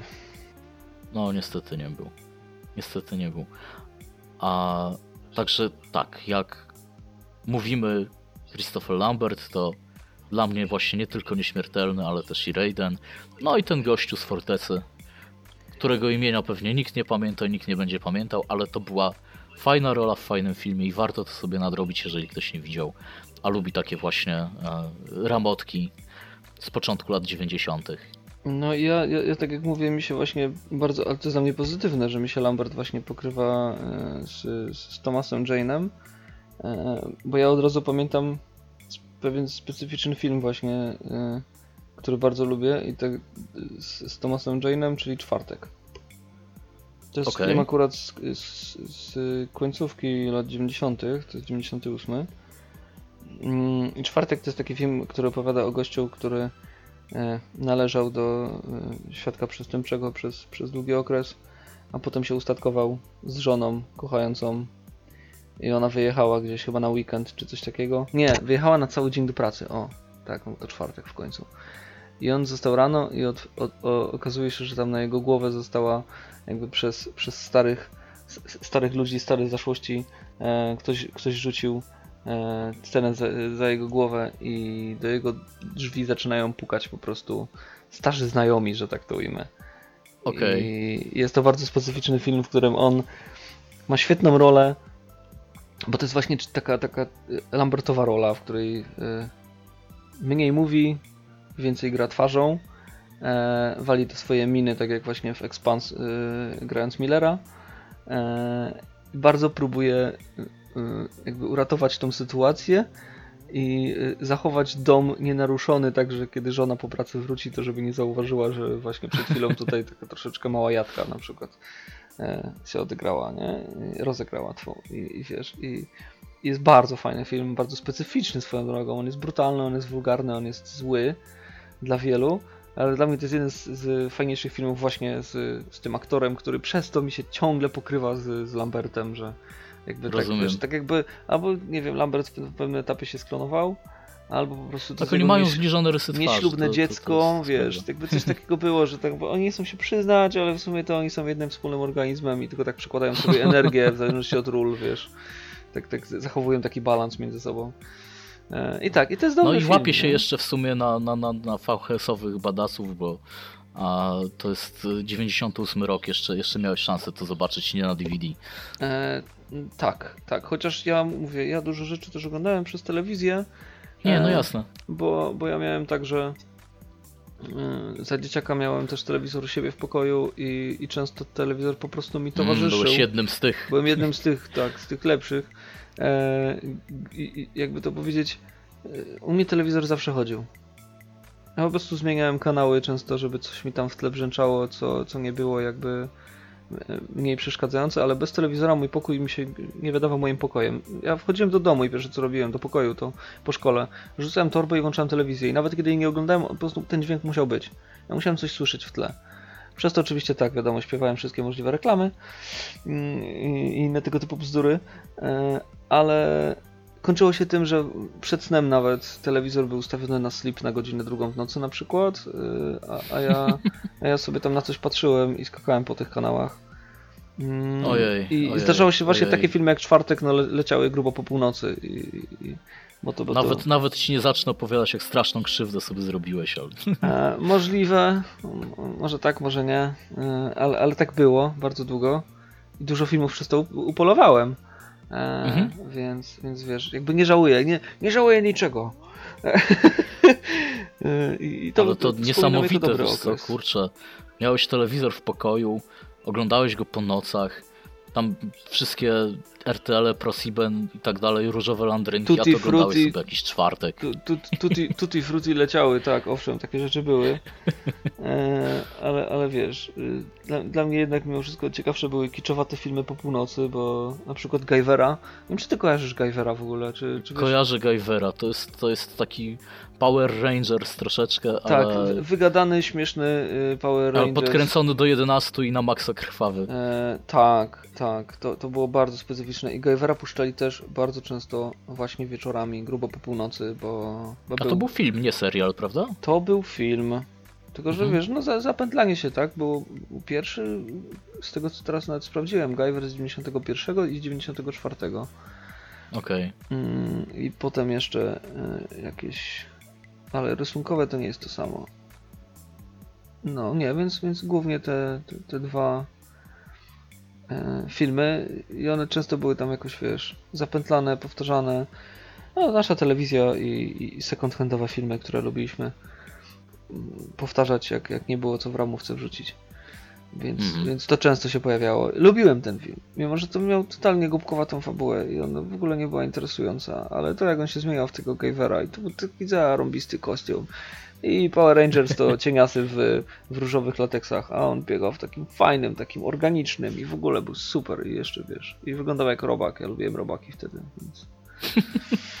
Hmm. No cóż, tak. Musimy kiedyś, słuchaj, e, cały odcinek poświęcić... e, O robakach? Nie, nie, o twojemu dzieciństwu. U, panie, to nie, to było bardzo specyficzne i e, nie wiem, czy e, część ludzi chciałaby kontynuować znajomość, jakby słyszeli o, o wszystkich dziwnych rzeczach z, moich, z mojego dzieciństwa. W ogóle przepraszam. Nie chciałbyś na przykład opowiedzieć, jak się narkotyzowałeś lampką? E, tak było. Ale nie kontynuujmy tego wątku, bo to bo mojej mamie cały czas jest głupio, że, że, ta lampka była tak blisko mojego łóżka i że ten, ten Spokojnie, naprawdę się przypalał. Spokojnie, mamo skłola. Nie, nie, nie pani pierwsza i nie pani ostatnia kupiła dziecku toksyczną lampkę. Tak, dokładnie. No ale cóż. Przynajmniej mogę teraz zwalać na lampki, jak robię jakieś głupoty. Ja już jestem zepsuty. Było, było tego wtedy dużo, wiesz, moi rodzice na przykład a, kupili mi, ponieważ miałem problemy z gardłem e, i często miałem zapalenie krtani, stwierdzili, że trzeba koniecznie kupić nawilżacze. No i kupili dwa takie pojemniki do powieszenia na kaloryferze. Oba były z azbestu. Hmm. Okej, rozumiem. Ja pamiętam, że bardzo długo dostawałem e, od mamy jakiś syrop e, dziecięcy, który niestety miał e, jakiś e, lek, który był dosyć aktywny Mhm. i nie powinno się go podawać przed snem, a ja potem nie mogłem spać, bo byłem troszeczkę jakby za bardzo pobudzony. Rozumiem, już myślałem, że ci zafundowała laktację na Jakiś przykład. syrop na, na, na kaszel, którego nie pamiętam, ale to też tak było. To było całkiem zabawne też. Mm, Okej. Potem człowiek się dziwił, czemu nie może spać, dopiero potem gdzieś na opisie, nie podawać dzieciom przed snem. No, takie, mm, No tak, a potem się dziwić, że siedziałeś po nocach i oglądałeś telewizję. O, mało tego. I, ile ja ludzików z plasteliny byłem wtedy w czasie w stanie zrobić. Uch, panie. Ach, ale nie, bo Ale- to w ogóle tak teraz obudziłeś we mnie sentyment. Tak się nie robi, bo mm, a propos tego telewizora, tak w nocy, to w ogóle taki najstarszy telewizor pamiętam bardzo lubiłem, bo e, nauczyłem się akrobację pilotem wykonywać, bo to był taki pilot, który był idealnie płaski, się kładł na ręce i mogłem go podrzucać i wiesz, robiłem kilka salt, po czym on lądował na mojej ręce nawet bez uderzenia, bo tak byłem w stanie, wiesz, złapać go w powietrzu, nie? I, i bawiłem się tym jak, jak, jak, jak wariat. E, I nie było nigdy takiego telewizora z takim pilotem już w moim życiu później. Wszystkie są do dupy do dzisiaj. Mm. Nawet ten, który mam obecnie w moim mieszkaniu. Niestety ten pilot jest, nie, nie, to nie jest akrobatyczny Źle pilot. wyważony. Nie jest akrobatyczny pilot, nie? E, Nie, no, ale jeszcze fatalnie. drugie, drugie takie wspomnienie, to pamiętam, mm, mieliśmy taki telewizor, który miał e, osłonę, taką szybę z przodu. E, to był chyba Blaupunkt, który jakby chronił przed, przed dotykaniem faktycznie kineskopu. E, Aha. i, I ten telewizor był specyficzny, ponieważ jak chciałeś wyczyścić kineskop, to musiałeś, były takie zabezpieczenia, takie plastikowe, takie ruszające się, latające, no bo to już wyrobione było, takie, takie, takie zaślepki, które przesuwałeś i wtedy ta szyba mogła zejść. Mm, I e, miałem takie kombo delikatne, bo to była zwykła szyba, taka szyba, szyba. E, a ten telewizor w pewnym momencie miał problemy z dźwiękiem. I odkryłem, że żeby dźwięk działał w telewizorze, to trzeba go albo od góry, albo od boku lekko trzasnąć. Tylko, że z, z czasem y, przestawało już funkcjonować i trzeba było trochę bardziej e, uderzać ten telewizor, żeby ten dźwięk wracał faktycznie. E, No i kiedyś skończyło się tak, że jak, jak zapieprzyłem telewizor, tak szyba się odbezpieczyła, wypadła mi e, i, i pod nogami mi się zbiła, więc to też było dosyć specyficzne, bo jak przypierniczyłem, to po prostu, wiesz, mała katastrofa w całym pokoju. E, Jest, to- Mogłeś jest się przez chwilę poczuć jak badass tak, sam. tak, i ze mnie badass był wtedy. O jacie, po prostu. Nikt takiego karaty ciosu w lewą, w prawą stronę telewizora nie wykonał. Nie? Spojrzałeś na tą szybę i powiedziałeś w imię sam, sam skurwysynie. zapracowałeś sobie na to po prostu. Och, och, ty. Mm, To, to, było, to było naprawdę fajne. Takie Mm. jedno z dziwniejszych wspomnień moich. Więc tak, tak było. Lat temu wiele. Tak. Ale wróćmy do, do o tym- bo No właśnie, jak wiele lat, tak? Bo w tym tygodniu mieliśmy niesamowitą rocznicę. Zgadnij, która paskuda skończyła 30 lat. Ty już jakiś czas temu, więc nie mówimy o tobie. ojej. Mm, Wiesz co? Musiałem sobie przypomnieć, więc nie wiem, zaskocz mnie. Słuchaj, 30 lat temu, a 12 a, czerwca e, 87 roku do kin trafił Predator. Okej, no to faktycznie, to paskuda. Paskuda naprawdę już ma 30 lat a, i, i filmów potem było, było znacznie więcej, ale żaden film nie miał tego, co miał film pierwszy. Żaden film nie miał Dacza, nie miał Schwarzeneggera. Mm, tak, tak. I zdecydowanie to, to, to, to był jednak dobry film. Przepraszam, to był dobry film, chociaż ja mam ten problem, że ja nie, nie kibicowałem Daczowi właśnie. To jest, nie wiem ile osób to ma, ale ja oglądając mm, tego typu filmy w tamtych latach, ja zawsze kibicowałem tym złym. Przecież, och, Freddy Krueger był taką fenomenalną postacią, jak ganiał tych, tych, tych gówniarzy wszystkich, tak? Jason był taki super, jak tam wszyscy się, się tylko bzykać w tych, yy, w, w tych swoich domkach letniskowych, a Jason przychodził i wszystkim psuł zabawę i to było takie fajne. I, I tak samo właśnie było z Predatorem, że no wylądował u- i u- zaczął utożsamiasz się z gościem, który był takim a, legendarnym cockblockerem. Tak, ide, idealnym wręcz, no. Yy, I wiesz, zawsze, zawsze ci źli byli fajniejsi, po prostu. No, no, co, ja, co ja mogę na to? No, no, lubiłem tych, tych wrednych, tych złych. Jakoś Dobrze, tak że zacząłeś od tego, że przerodziło, nie wiesz, czy inni też tak mieli. Bo mogę ci teraz powiedzieć, nie, to ty, No, to ty tak masz. No ja tak mam, no ja wiem, ale to u mnie się tak przerodziło później, bo y, przez chyba tylko Frediego Krugera tak naprawdę, bo nawet Mhm. Chucky nie był tak bardzo wygadany. Dopiero przez Frediego Krugera i bycie takim tym złym, który gada i który ma dobre teksty, przerodziła mi się sympatia właśnie do jakby tego mojego drugiego arche, archetypu bohaterów, czyli po prostu wygadanych dupków. I, to jest jakby drugi, drugi wzór, ale do tego dojdziemy za jakiś. Jasne. czas, więc... e, Schwarzenegger nigdy wygadany specjalnie nie był. Schwar- Schwarzeneggera, A- ale lubiłeś go tak bardzo, bardzo, tak? W sensie... Stał się, stał, się, stał się w sumie na starość yy, o wiele bardziej wygadanym typem. Zwłaszcza, zwłaszcza na Facebooku potrafi przy, przywalić. Lubię chłopaka za to. A, no.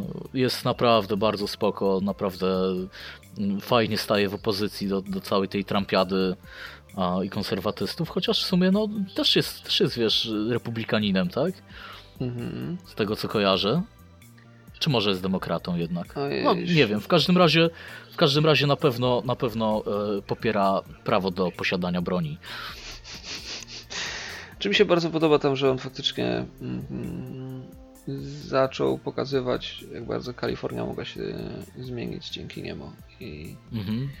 I, i, i teraz on troszeczkę matkuje Trumpowi i tam mu mówi, co powinien robić i, i czego nie powinien ignorować. I to jest takie fajne, bo Schwarzenegger nie bawi się na zasadzie, bo ja jestem taki, a nie inny, tylko on y, sypie dowodami. Pokazuje, jak bardzo Kalifornia Mhm. się rozwinęła, jak bardzo bezrobocie zjechało i wiesz, i, jakby facet, po którym, y, no, oglądając go w tamtych latach, tak, no to czego byś się spodziewał po człowieku? Że będzie przez całe życie wielkim mięśniakiem, a potem umrze, albo dostanie zawału serca. I tyle. Tak właśnie obstawiałem zawał. No właśnie, nie? Bo większość jednak niestety schodzi na zawał, jak Macho Man chociażby. I, i wiesz, i, i nagle po prostu się okazuje, że nie, że facet poszedł w kompletnie innym kierunku, troszeczkę taki nabijający się z, z bohatera z ostatniej akcji i tego, że faktycznie Mhm. tam jest prezydent w końcu Schwarzenegger. E, Tak. I wiesz, i, i na początku człowiek traktował to jako żart, a potem jak faktycznie to zrobił, no to dochodzi się do, do wniosku, że ej, zajebiście, że to zrobił, bo to strasznie y, jakby dobra ścieżka dla niego. On nie jest głupi, on, jemu zależy na tym, co robi i, i naprawdę bardzo fajnie, że, że jakby ten aktor jeszcze robi kilka innych rzeczy, które są dobre.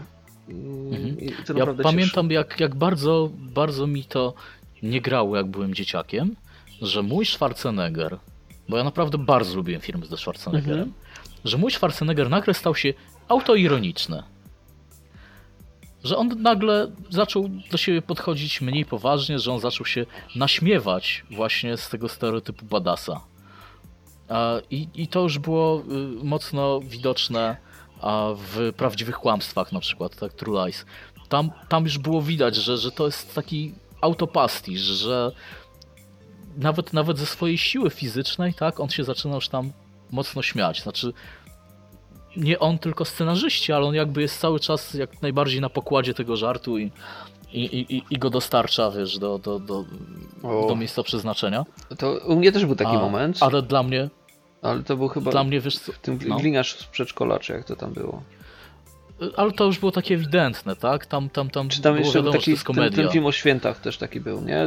Wiadomo, że była komedia, ale wiesz, Tak. czemu jego wzięli akurat do tej roli? Nie mogli wziąć kogokolwiek Mhm, innego, mhm. wzięli jego, bo dryblas, bo znany dryblas, nie? Też troszeczkę to było. No to jest troszeczkę tak, jak wiesz, jak teraz jest The Rock w, w Baywatchu nowym, tak? Yy, wiesz co, To- tak, tylko że The Rock robi to od, praktycznie początków, poza Królem Skorpionem, to on w każdym filmie miał dwie role i on nie ukrywał też tego, że taki jest, on na socialach taki jest, on jest po prostu takim Mhm, sympatycznym mhm. człowiekiem i, i, i wiesz, jakby patrzysz na The Rocka i z jednej strony może on jak gra twarde role, to jest szacuneczek i, i nie widzisz w nim tego głuptasa, ale Mhm. kiedy gra tego głuptasa, to widzisz, że on nie jest naciągany, on po prostu taki jest, no.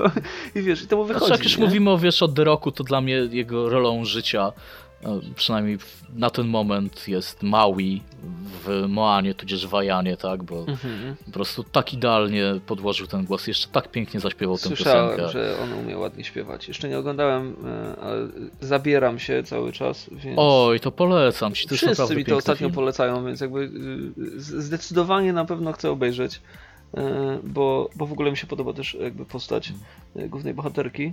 E, Jako Jest naprawdę, Ciekawy archetyp tak. takiej, wiesz, typowej księżniczki, więc bardzo chętnie obejrzę sobie. Ona tam nawet w którymś momencie kłóci się z y, tym bohaterem, którego, pod którego podkłada głos The Rock. On, on ją nazywa księżniczką. Ona patrzy na niego i mówi nie jestem księżniczką, jestem córką wodza. No właśnie, właśnie ja ten, ja y, jakby moglibyśmy teraz y, bardzo mocno abstrahować, bo dopiero co niedawno oglądaliśmy y, z Olą y, Boże, Piękną i Bestię y, wykon, z wykonania Okej. Emmy Watson i tam też jakby widać bardzo, że Emma Watson e, jako aktywna feministka e, i osoba, która właśnie chce żeby w Hollywood troszeczkę uci- y, zamazać ten obraz tylko y, dziewczyn w potrzasku i, i małych księżniczek. I tutaj nawet postać Belle jest bardzo zmieniona i, i jest troszeczkę inna. I to ona jest jakby tym geniuszkiem, to ona jest tym, tym e, małym odkrywcą y, i inżynierem, a nie jej tata. To ona jest jakby tą, tą, tą nie księżniczką, a właśnie Okej. i kimś inteligentnym, kto czyta książki i, wiesz, i robi wiele, nie? Wiadomo, że tam też, te, też były książki w, w wersji bajkowej, ale, ale nie było to tak podkreślane, że wiesz. I nie, i, i- nie biega w, w pięknych sukniach i ciągle lubi chodzić w normalnych, wygodnych ciuchach. I to jest takie, wiesz, to, to jest fajne, to jest, to jest sympatyczne. Nie psuje to kompletnie odbioru e, Pięknej Bestii, tak samo. Jest, to jest naprawdę nadal bardzo przyjemna opowieść, w której e, ciekawi ludzie podkładają głosy pod niektóre rzeczy, E, I jest bardzo dużo fajnych rzeczy w trivia, gdzie osobiście akurat oglądając film, nie wiem, jakoś tak wyszło, zacząłem czytać trivia na, na IMDb. Takie e, ciekawostki po prostu. E, I jeszcze pozytywnie odbierałem ten film przez to, więc, więc, więc Okej, jak najbardziej okej. też mogę polecić, nie? Ale oj, uciekliśmy od herosów do, do heroin i to bardzo. E, Ale to też jest, też jest e, znaczące. Potem jeszcze do tego nawiążemy. E, Słuchaj, Schwarzenegger. no właśnie, co po... Najważniejsze role. Dla mnie. No, tak? no dla to, ciebie, to, bo co, dla, mnie, to, co, dla mnie to tak średnio. To, tam. co absolutnie wyznaczyło moje, um, moje standardy myślenia, wiesz, o, o, o byciu bohaterem, kiedy, kiedy byłem dzieciakiem, to Schwarzenegger i po pierwsze, Mhm. i najbardziej, Komando, Okej. Gdzie... on- Nigdy nie obejrzałem całego. No idziemy dalej. Filmy, filmy o, o dżunglach i wiesz, tam John Rambo. mega, mega, nuda, słuchaj, no. taki mega taki właśnie e, komandos idealny, tak? Taki, taki, taki koleś, który naprawdę robi rozpierduchę. A Running Man, Okej. czyli No, no to, to już to, to, to, już jest, to już jest ciężki, poważny klimat sci-fi.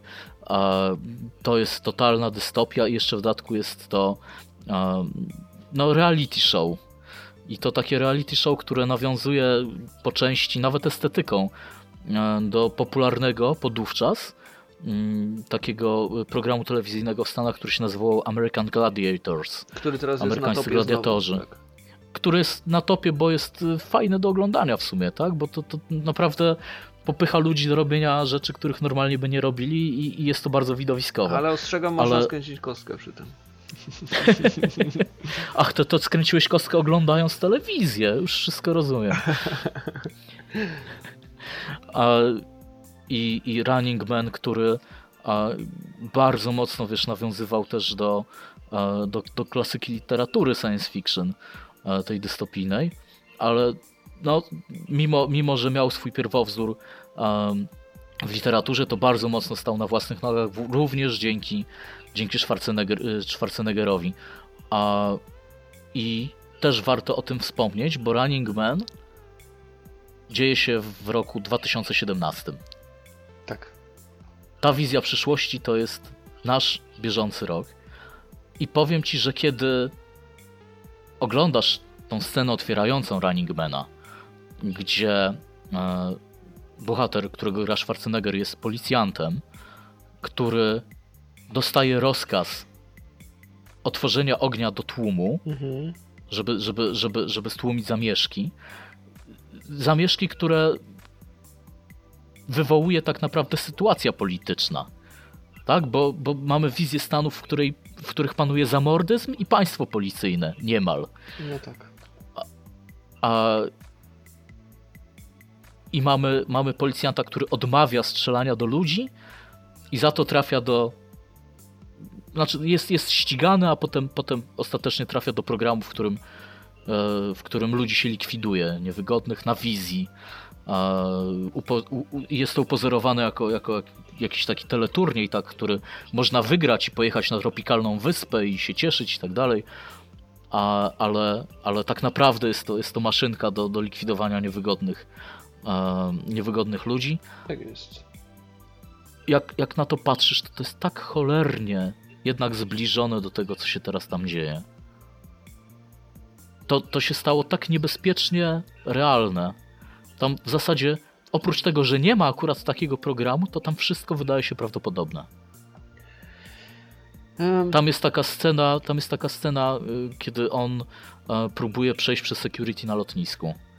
A razem, razem z dziewczyną, którą porwał, a, która potem staje się jego towarzyszką, tak? Ale to security na lotnisku wtedy miało jakby generować taki, taki, taki właśnie nastrój tej dystopii, tego zagrożenia, tego, że, że, że tam jest nie okej, że to jest państwo policyjne. To security wygląda tak, jak faktycznie wygląda teraz security w Stanach. A te y, niepokoje społeczne przedstawione w tym filmie są na tym samym tle i momentami przecież mają już aż takie nasilenie, tak? No i muszę sobie przypomnieć w takim wypadku. To jest wizja przyszłości, która się praktycznie w jakimś stopniu spełniła. A, I owszem, ten film jest potem niesamowicie widowiskowy, bo em, w tym programie e, Schwarzenegger musi stawić czoła e, różnym zawodowym gladiatorom, tak? którzy, Mhm. którzy polują na niego i, i, i na innych uczestników. I on ich tam wykańcza w, różnych, w różne widowiskowe sposoby. Każdy, każdy to boss E, fight w skrócie, nie? Tak, to też trzeba podkreślić. Tak, tak, tak. Jest, jest, jest dużo, dużo, dużo ciekawych boss, boss fightów w tym filmie. A, ale też jest y, jakby takim tematem przewodnim to, jak bardzo a, opinią publiczną są w stanie manipulować media. I to właśnie nie tylko przez programy informacyjne, ale też przez programy rozrywkowe. I to jest bardzo ciekawe, y, kiedy, kiedy pomyśli się o tym, że w Stanach miliony Amerykanów wierzą w to, że y, czekoladowe mleko bierze się od brązowych krów. To są ludzie, którzy, którymi można manipulować, pokazując im a, zabawne programy w telewizji. Mm, Zdecydowanie.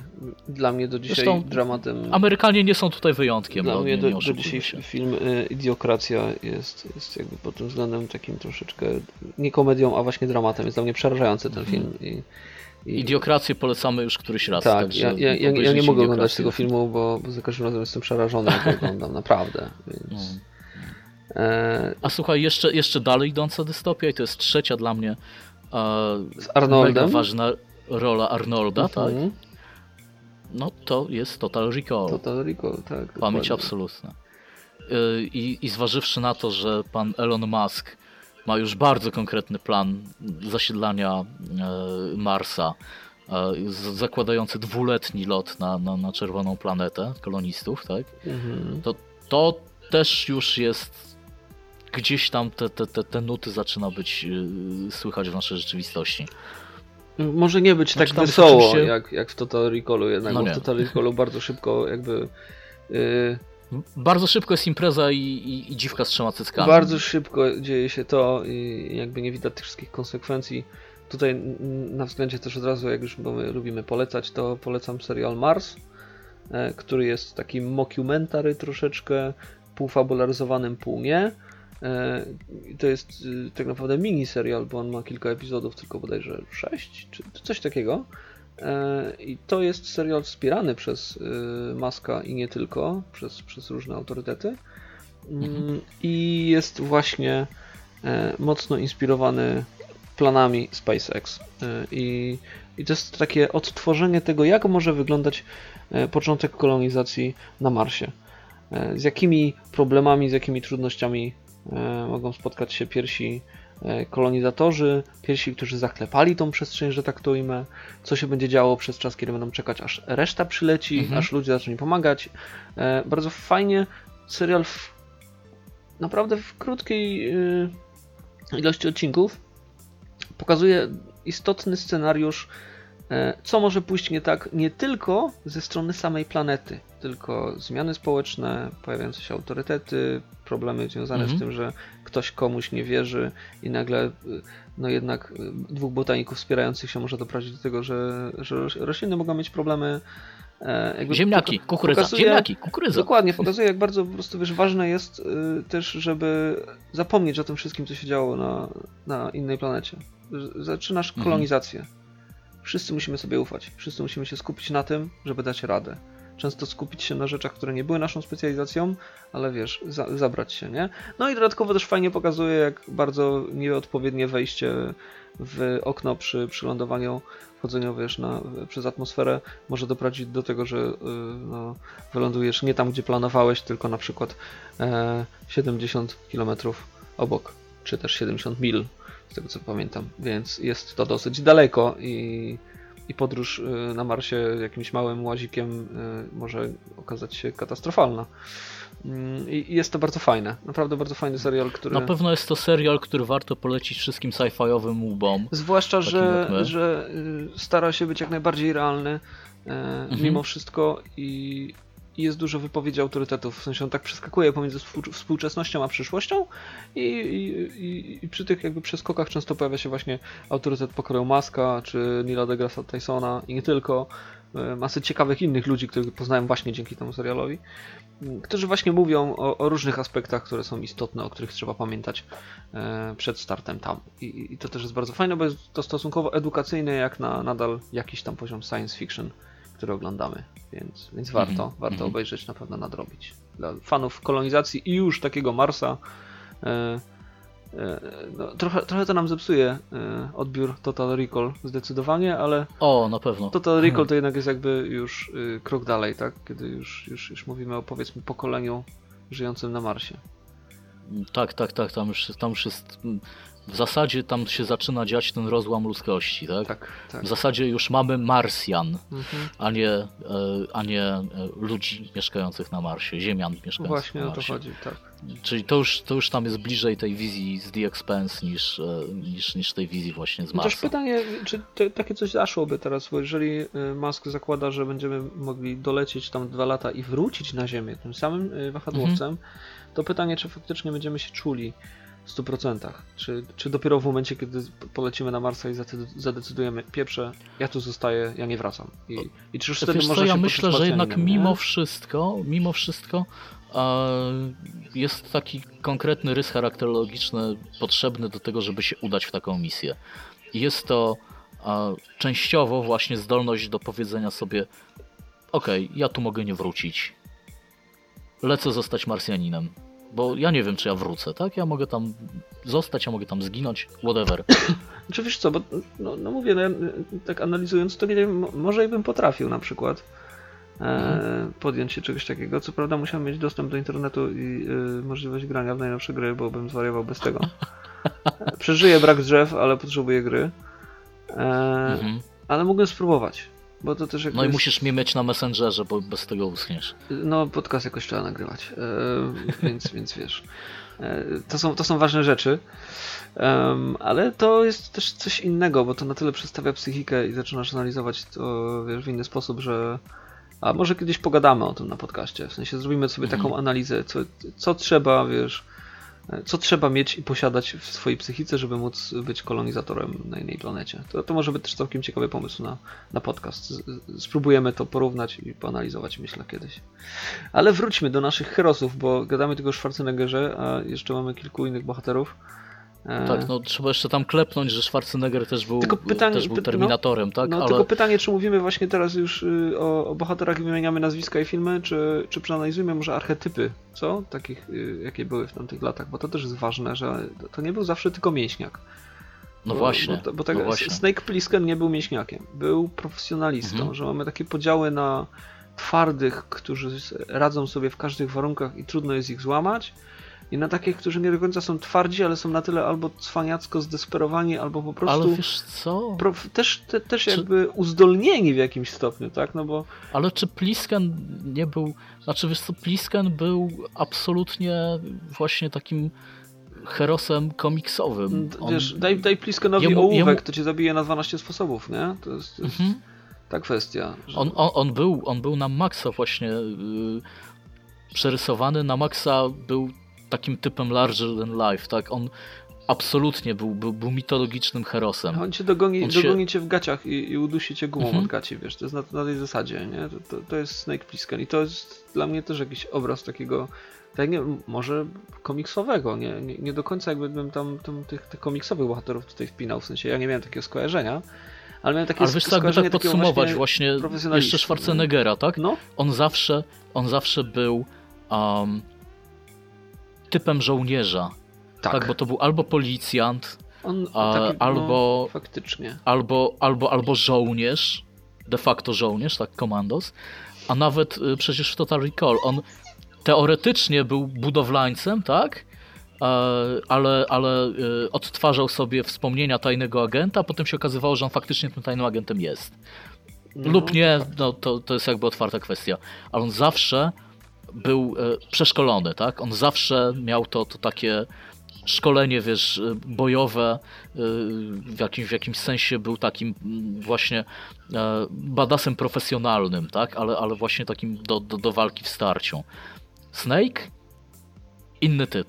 Snake, tak. Snake to był, to szkolony zabójca, szkolony specjalista, człowiek, któremu dasz broń, a on ją nie dość, że rozbroi, rozłoży na części, to poskłada, doda lunetę i zabije cię z 5 km.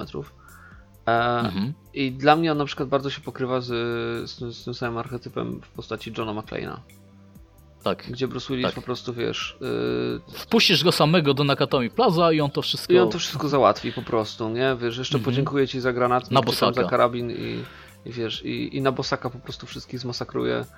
E, taki bohater, który nie musi wyglądać, ma to gdzieś, on po prostu jest dobry w tym, co robi i tyle. I to też jest jakby taki drugi, dru, drugi archetyp bohatera, moim zdaniem, który się pokrywa, chociaż akurat John Connor już mi tutaj ucieka do, do archetypu numer 3, czyli właśnie tego typowego cwaniaka, gdzie nie musi być... Czekaj, czekaj, jak, jak, jak John, John Connor, czyli, czyli kto? John, John McClane, chciałem powiedzieć, przepraszam.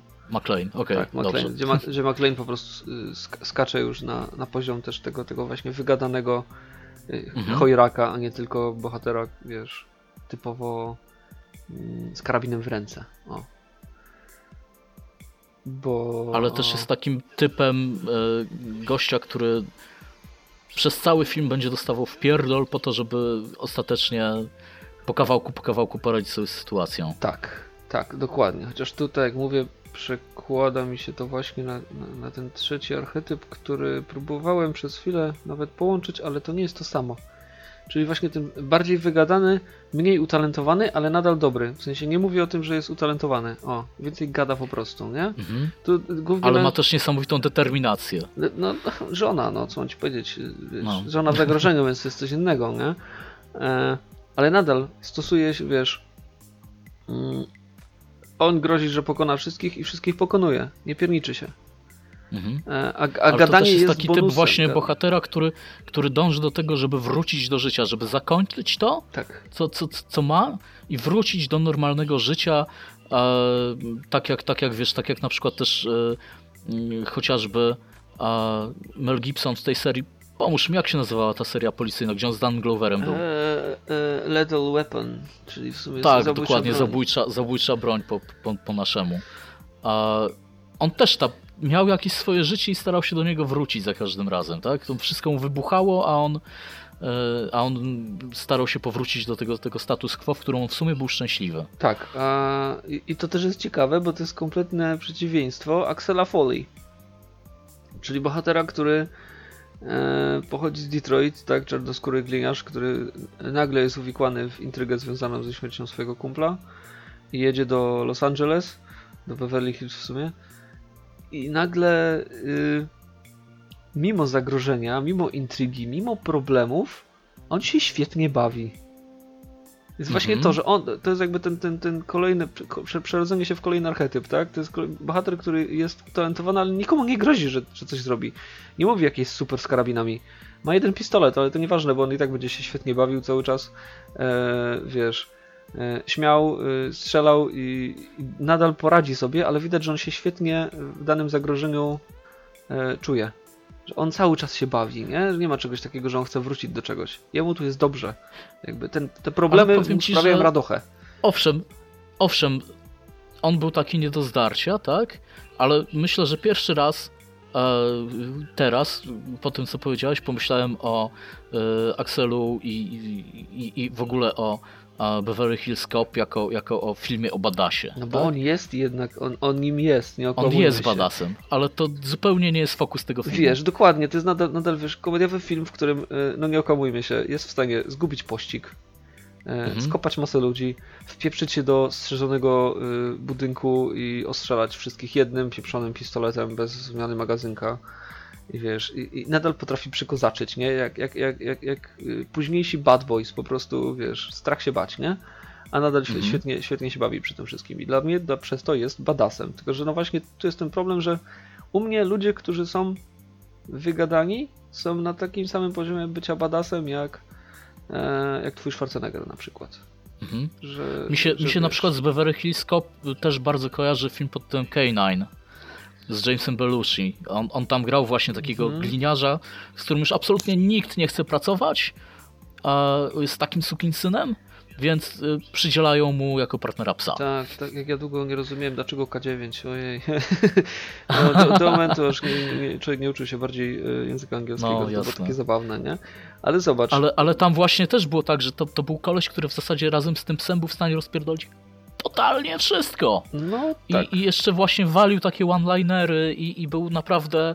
E, no świetnie się przy tym wszystkim bawił, mimo że, że sytuacja była momentami dramatyczna. a kto inny świetnie się przy wszystkim bawił, mimo że sytuacja była dramatyczna e, na skalę e, dużych e, przeciwników rozrośniętych, wiesz, wyglądających jak piankowe marynarzyki. No Peter Venkman na Zaraz przykład dla mnie, Peter Venkman jest dla mnie No, tego typu badasem. badasem. nie? Jest po prostu człowiekiem, Okej. który tak naprawdę nie wygląda na badasa, nie ma miny na badasa, nie dowierza i jest totalnym cynikiem przez cały film, a jednak jest jednym z największych twardzieli, jakich można spotkać, bo no sorry, no ale e, mało kto podskakuje tym osobom, którym on podskakuje, więc Tak, ale to też jest, wiesz co, właśnie w Ghostbustersach jest to, że to jest typ gościa, który nie ma nic do stracenia. On w sumie nie jest szczęśliwy w życiu. Ja podejrzewam, że on ma depresję.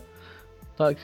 Hmm. Jego taką motywacją jest to, że jemu nie zależy, tak? On, on, on, on może zrobić wszystko, bo on tak mocno gdzieś tam w środku użala się nad sobą, że jest w stanie zdobyć się na wszystko. Tak, tak, tak go odbieram. A to ciekawe, to ciekawe. Nie, nie spojrzałem na jego postać z tej strony.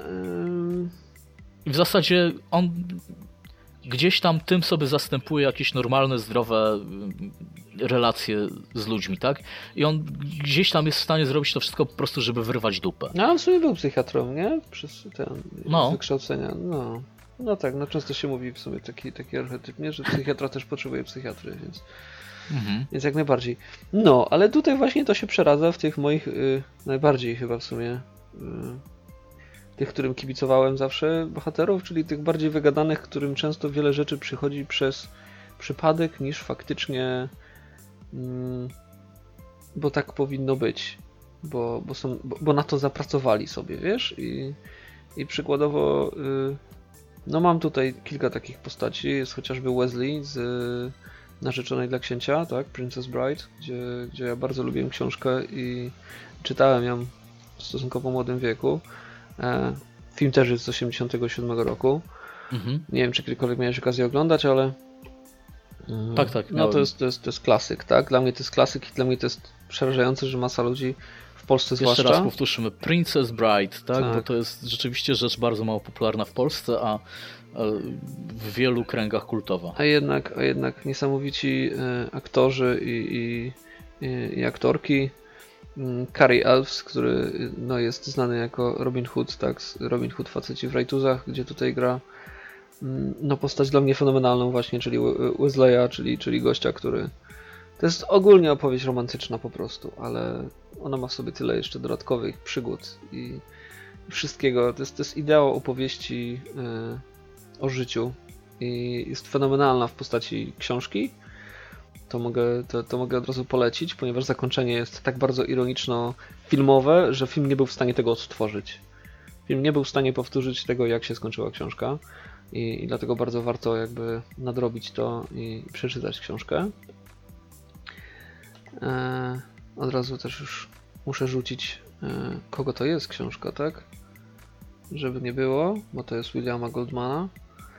Mm, Pod tym samym tytułem, e, bo jest naprawdę, jest, jest naprawdę świetna. No i stamtąd jest też dużo cytatów, które są w gigosferze, no, no na poziomie przecież bardzo, bardzo wysokim.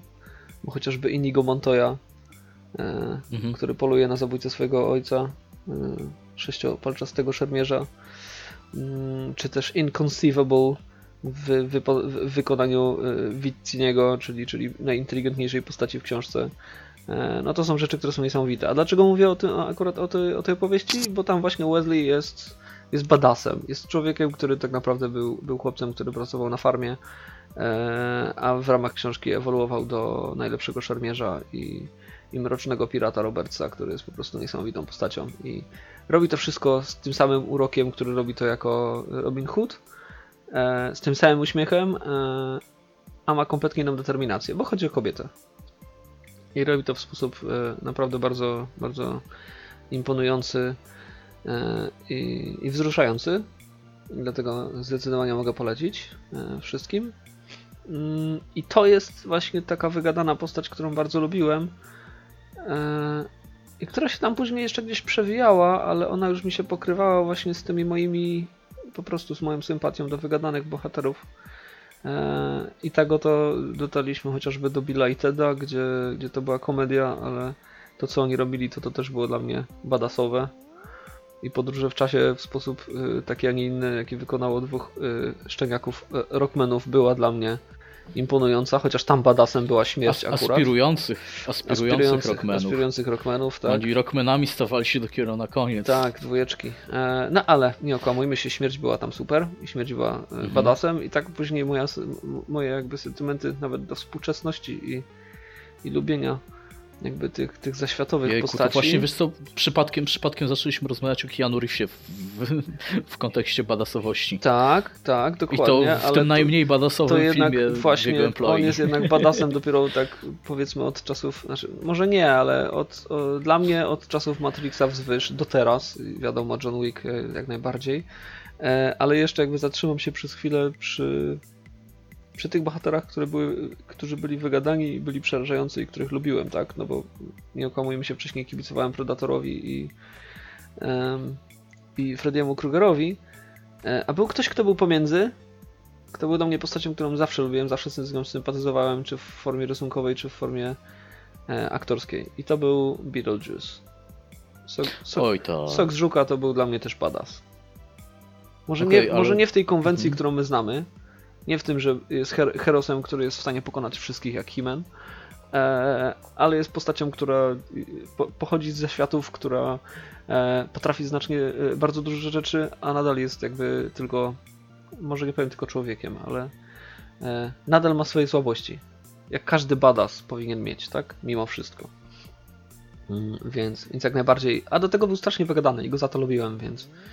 E, no, no mówię, wszystko mi się wpisuje w ten archetyp wygadanych bohaterów, Znaczy to właśnie wiesz co, którzy bardziej z fuksa to było, czasami to coś było robili. bardzo specyficzne, bardzo specyficzne, bo miało się takie wrażenie, że Beetlejuice, ale były też inne takie postaci, a oni konfrontując się z jakimś zagrożeniem, konfrontując się z, jakim, z jakimś wrogiem, zrobią nie tak, że go po prostu pokonają, wiesz, zmierzą się z nim i go rozłożą na łopatki, tylko zamotają go tam, tak, że on na koniec już nie będzie wiedział, w którą stronę iść i co robić i w gruncie rzeczy to pomoże niechcący bohaterowi.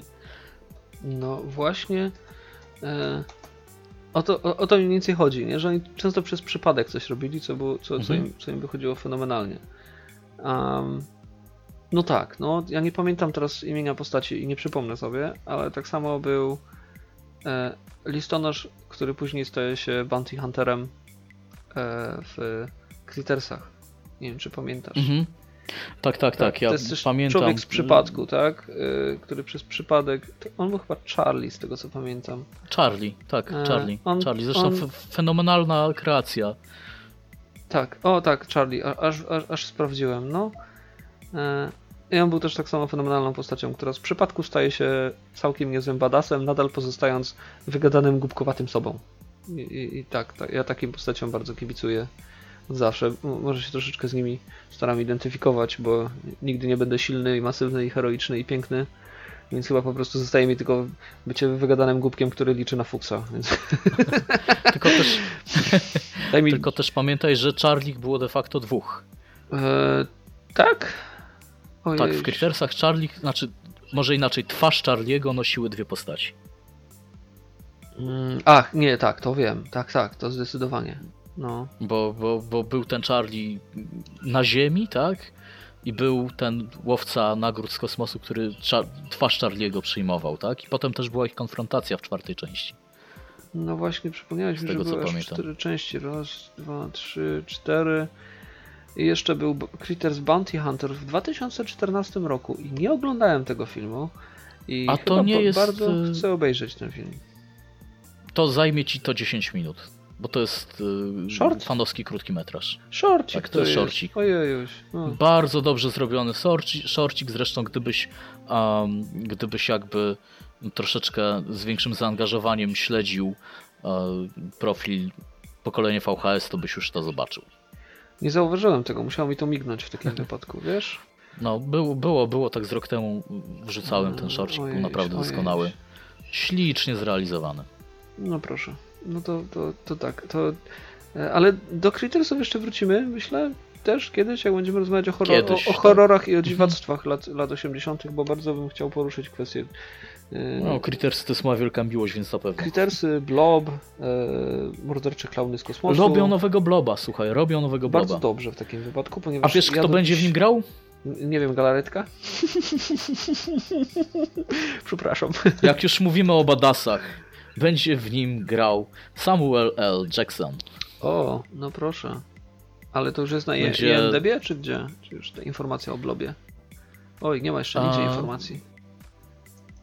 Być może nie ma, być może jest.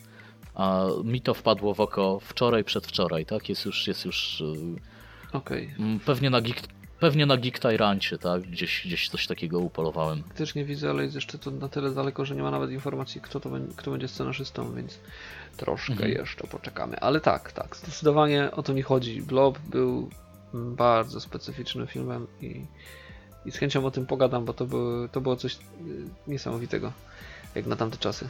Rzadko powtarzamy to. Mm, Współcześnie te wszystkie głupotki, tak? Mucha, o, o, o, Mhm. tam też mamy bohatera, którego lubiłem bardzo. Jeff Goldblum, który był znowu wy- wygadany, co prawda zdarzyło mu się troszeczkę się, się przepoczwarzyć, więc Mhm.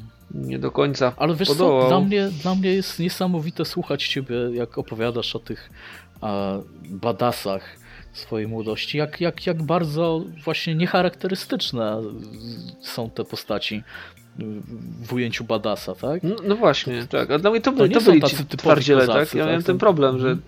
Nie, nie, nie, podobali mi się wielcy, wiesz, mięś, wielkie mięśniaki, które po prostu dawały sobie radę w każdej sytuacji i byli w stanie podnieść Mhm. samochód. Oni byli, okej, ja mogłem ich oglądać, e, to było całkiem spoko, ale nie oni mnie kręcili, tak? John Mnemonic mi kręcił. O, Wiesz, tak. tego, tego typu rzeczy, nie? Bohaterowie, którzy byli bardzo, ale to bardzo specyficzni.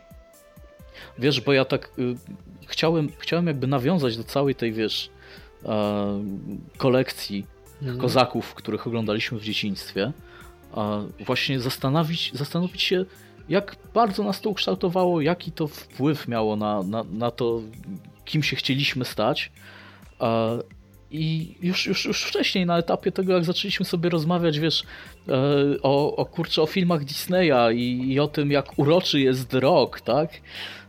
To mi bardzo mocno pokazało, że to nie jest tak, że jakoś spaczył mnie ten Himen, którego oglądałem od zerówki. E, Nie spaczył mnie też e, Schwarzenegger w komando wyflaczający swoich wrogów, tak? A gdzieś ta wrażliwość została i jakby bardziej właśnie w tą stronę poszedłem w życiu dorosłym. I też sobie myślę, że cała była też na szczęście kolekcja takich badasów, z którymi udało mi się identyfikować. Dla ciebie to byli właśnie ci tacy em, goście, e, którzy bardzo mocno potrafili oplątać wroga, e, przeciwnika, tudzież e, zagadać go i, i, i zmanipulować, tak?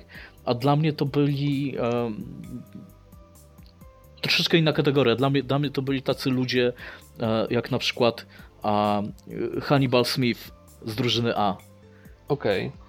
Który, który dla mnie był absolutnym, totalnym badasem, zresztą jak cała reszta drużyny, tak?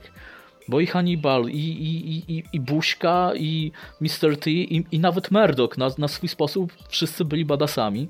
No, nie mówiąc już o tym, że byli y, weteranami wojny w Wietnamie, a, ale oni przez cały serial owszem, oni strzelali, robili, robili, robili wielką rozpierduchę, ale ostatnio sobie sprawdziłem, w całym serialu, w całej drużynie A ginie tylko garstka postaci. Tak. I w większości odcinków nie ma nawet jednej śmierci. Tam chodzi o to, żeby wroga przeciwnika wykiwać, a nie zmiażdżyć. Tak. Tak. u, uciec, uciec przed tym, wiesz, goniącym y, ich e, pułkownikiem Descardem, tak? Mhm. Wykiwać go, jednocześnie przy okazji em, zrobić, wiesz, zrobić wodę z mózgu e, tym, tym, tym złym, którzy, którzy komuś zagrażają. A, a potem jakby na tej samej zasadzie, e, to przynajmniej zbliżonej, działał MacGyver, który dla mnie też jest niesamowitym badasem, ale, ale tutaj już wyraźnie pokonującym wszystkie przeciwności i, i dającym sobie radę Swoim mózgiem, e, z a tymi wszystkimi pięścią. swoimi wrogami, tak, Mhm. po prostu swoim, swoim, swoim pomyślunkiem, swoją wiedzą niesamowitą, e, swoim zmysłem technicznym. To był bohater. To był, to, był, to był niesamowity bohater dla mnie. O. I Ja stokroć, stokroć wolałem właśnie e, już na jakimś etapie późniejszym pooglądać sobie MacGyvera niż, niż, niż właśnie 15 raz obejrzeć Szklaną Pułapkę czy, czy, czy, czy, czy Rambo. Boże, Rambo to w ogóle nie, nie, nie lubiłem, A ja tak? jako po prostu nie dziecko lubiłem. klocków Lego i konstruowania jednak yy, tak, też te seriale oglądałem, owszem, tak bardziej jednak yy, Airwolf, Viper, Um, i, oczywiście Mhm. Night Rider, czyli, czyli wiesz, Night Rider. czyli pilot bądź kierowca plus jego gadżeciarski pojazd. I, i, to było to co, to, to, to, co mnie jarało. Być może to troszeczkę właśnie ten drugi archetyp, który lubię, czyli milczący bohater w postaci Mad Maxa, jakoś tam się przebijał. I, I po prostu wiesz, bohater, bohater, który jest nierozłącznie on i jego pojazd, to też jakby Mhm. było coś, co, co, co lubiłem, tak? Bardzo to lubiłem, do dzisiaj to lubię. Być może dlatego lubię Titanfalla na przykład, bo Titanfallu możesz cały czas biegać w robocie, a możesz z niego wyskoczyć i, i sobie strzelać i włączyć go w tryb strażniczy i wtedy twój robot, z którym jesteś związany, będzie stał i będzie napierniczał do wszystkich przeciwników. I, i tak też się zdarza i to jest, to jest też fajne, więc jakby lubię to połączenie chyba. y, Bohater plus maszyna. Y, Tak, tak, tak. Kręci to, nie? Kręci, kręci, To, jest, to jest fajne. Więc no troszeczkę mamy tych bohaterów i oni nie wszyscy są tacy sami faktycznie. Każdy z nich jest. To jest zabawne, że, że, że, że możemy Da, uznawać da się ich za- przypisać faktycznie do tych za bohaterów, Tak, jest- za, za badasów kogoś, kto tak y, przy pierwszym spojrzeniu niekoniecznie wydaje się badasem. I wiesz co jest z tym wszystkim najlepsze? Nikt z nas nie powiedział o największym z cwaniaków możliwych, tylko że on się właśnie on się wpisuje w archetyp wszystkiego i niczego. I to jest mój problem. Indiana Jones. Mhm. Geniusz, twardziel, Okej. przystojniacha, który y, jednego dnia poucza studentów na uczelni, a drugiego dnia napiernicza się z nazistami. E, bardzo, fajny, bardzo fajny jako bohater, jako archetyp, e, ale mi się z niego podoba tylko jedno. Nie pierniczy się. Przykład, no wiadomo, klasy, klasyczna scena z Arabem i mieczem, Mhm. który wywija mieczem, on wyjmuje pistolet i zamyka temat. E, wiesz, na wojnie nie ma honoru, tak? I kiedy trzeba coś zrobić, to trzeba po prostu to zrobić, nie pierniczyć się. To samo co... Właśnie rzucił mi się dzisiaj w To samo, co Max, na jakimś nie? profilu cy, cytat z Mass Effecta, że stań na prochach miliardów istot, miliardów poległych istot i zapytaj o wartość honoru. Twoją odpowiedzią będzie milczenie. No właśnie o to chodzi, tak, tak, dokładnie. Że, że wiesz, że, że w momencie honor po prostu się odsuwa na bok, nie? Eee... I to też jest jakby część, właśnie, część, tak. część którą, którą uznaję, nie? Yy, owszem, dla mnie Mad Max nie jest honorową postacią, nieśmiertelny w jakimś stopniu jest honorowy, eee, ale to jest honor uwarunkowany czymś kompletnie innym. Czy to bardzo często jest po prostu walka o przetrwanie. Tak, i właśnie o to chodzi, tak? Ten, ten, ten ga- wewnętrzny Gaius Baltar i, i walka o to, żeby przeżyć y, za, za, za, za y, każdą cenę. To jest, to jest właśnie to, co też podoba mi się w niektórych bohaterach, że wiesz, to jest to, co mnie realnie motywuje, więc jestem w stanie zrozumieć to, nie? Mhm, mhm. Nie wiesz, co człowiek Mnie- przeżywa, kiedy, mnie kiedy jeszcze- ma złamaną nogę. To jest po prostu walka o przetrwanie też. Ludzie się mogą z tego śmiać, ale... Ojej. Okej. Przepraszam, Postaram się nie śmiać. Postaram się nie śmiać. Wiesz, to dla mnie też niesamowitym takim mm, bohaterem i, i, i, i wzorem takiego twardziela, ale takiego, który sobie ze wszystkim poradzi i, a, i nie jest sam przy tym wszystkim. Był, był Robin Hood z tego serialu, który, który był, kiedy byliśmy dzieciakami O, tego, tego z muzyką Klanat. Miałeś bohatera z przypadku, tak? Który, który wyrasta na lokalną legendę, który staje się absolutnym bożyszczem tłumów i który ugiąłby się pod presją tego wszystkiego, gdyby nie ludzie, którzy go wspierają, którzy są blisko. Mm, to fakt, to, to fakt. Ja uwielbiałem, jeszcze, jeszcze wtedy tego tak może nie odbierałem, tak, ale ja uwielbiałem Robin Hooda za, mm, za to, jak on bardzo nieraz był zagubiony, e, za to, jak było widać taką jego wrażliwość, jak wiele dylematów miał. Uwielbiałem go też za to, że był pokazany e, jako taki bohater bliski natury. Bohater bliski tych e, pradawnych duchów. A Tam, tam bardzo mocno były akcentowane, wiesz, te, te, te elementy e, mitologii celtyckiej. Przecież e, był element magiczny w tym serialu. Mhm. Robin Hood był uzbrojony w miecz wykuty przez Waylanda. postać absolutnie mi- mitologiczną. A był, był tam Hern, który owszem pojawiał się pod postacią faceta przebranego w skórę jelenia, ale to był po prostu szaman. Tak, tak, tak, dokładnie. To, to, to pamiętam. I, i bardzo, bardzo. I, i, i, owszem, to był, to był szaman, a więc ktoś, kto faktycznie staje się tym bóstwem, z którym się komunikuje. Tak? Zaprasza do swojego ciała i, i był nawet tam taki moment, kiedy on e, zdejmuje ten, ten, ten swój e, przyodziewek i, i rozmawia z Robinem, mówiąc, że nazywam się tak i tak, ale kiedy wkładam swoją szatę, staje się rogatym, tak? Przejmuje mnie rogaty. No i to takie było właśnie też niesamowicie a, dla mnie fascynujące, że mm, tym elementem, który, który gdzieś czyni Robin Hooda tym, kim on jest, tym właśnie bohaterem ludu, jest takie y, namaszczenie płynące z góry.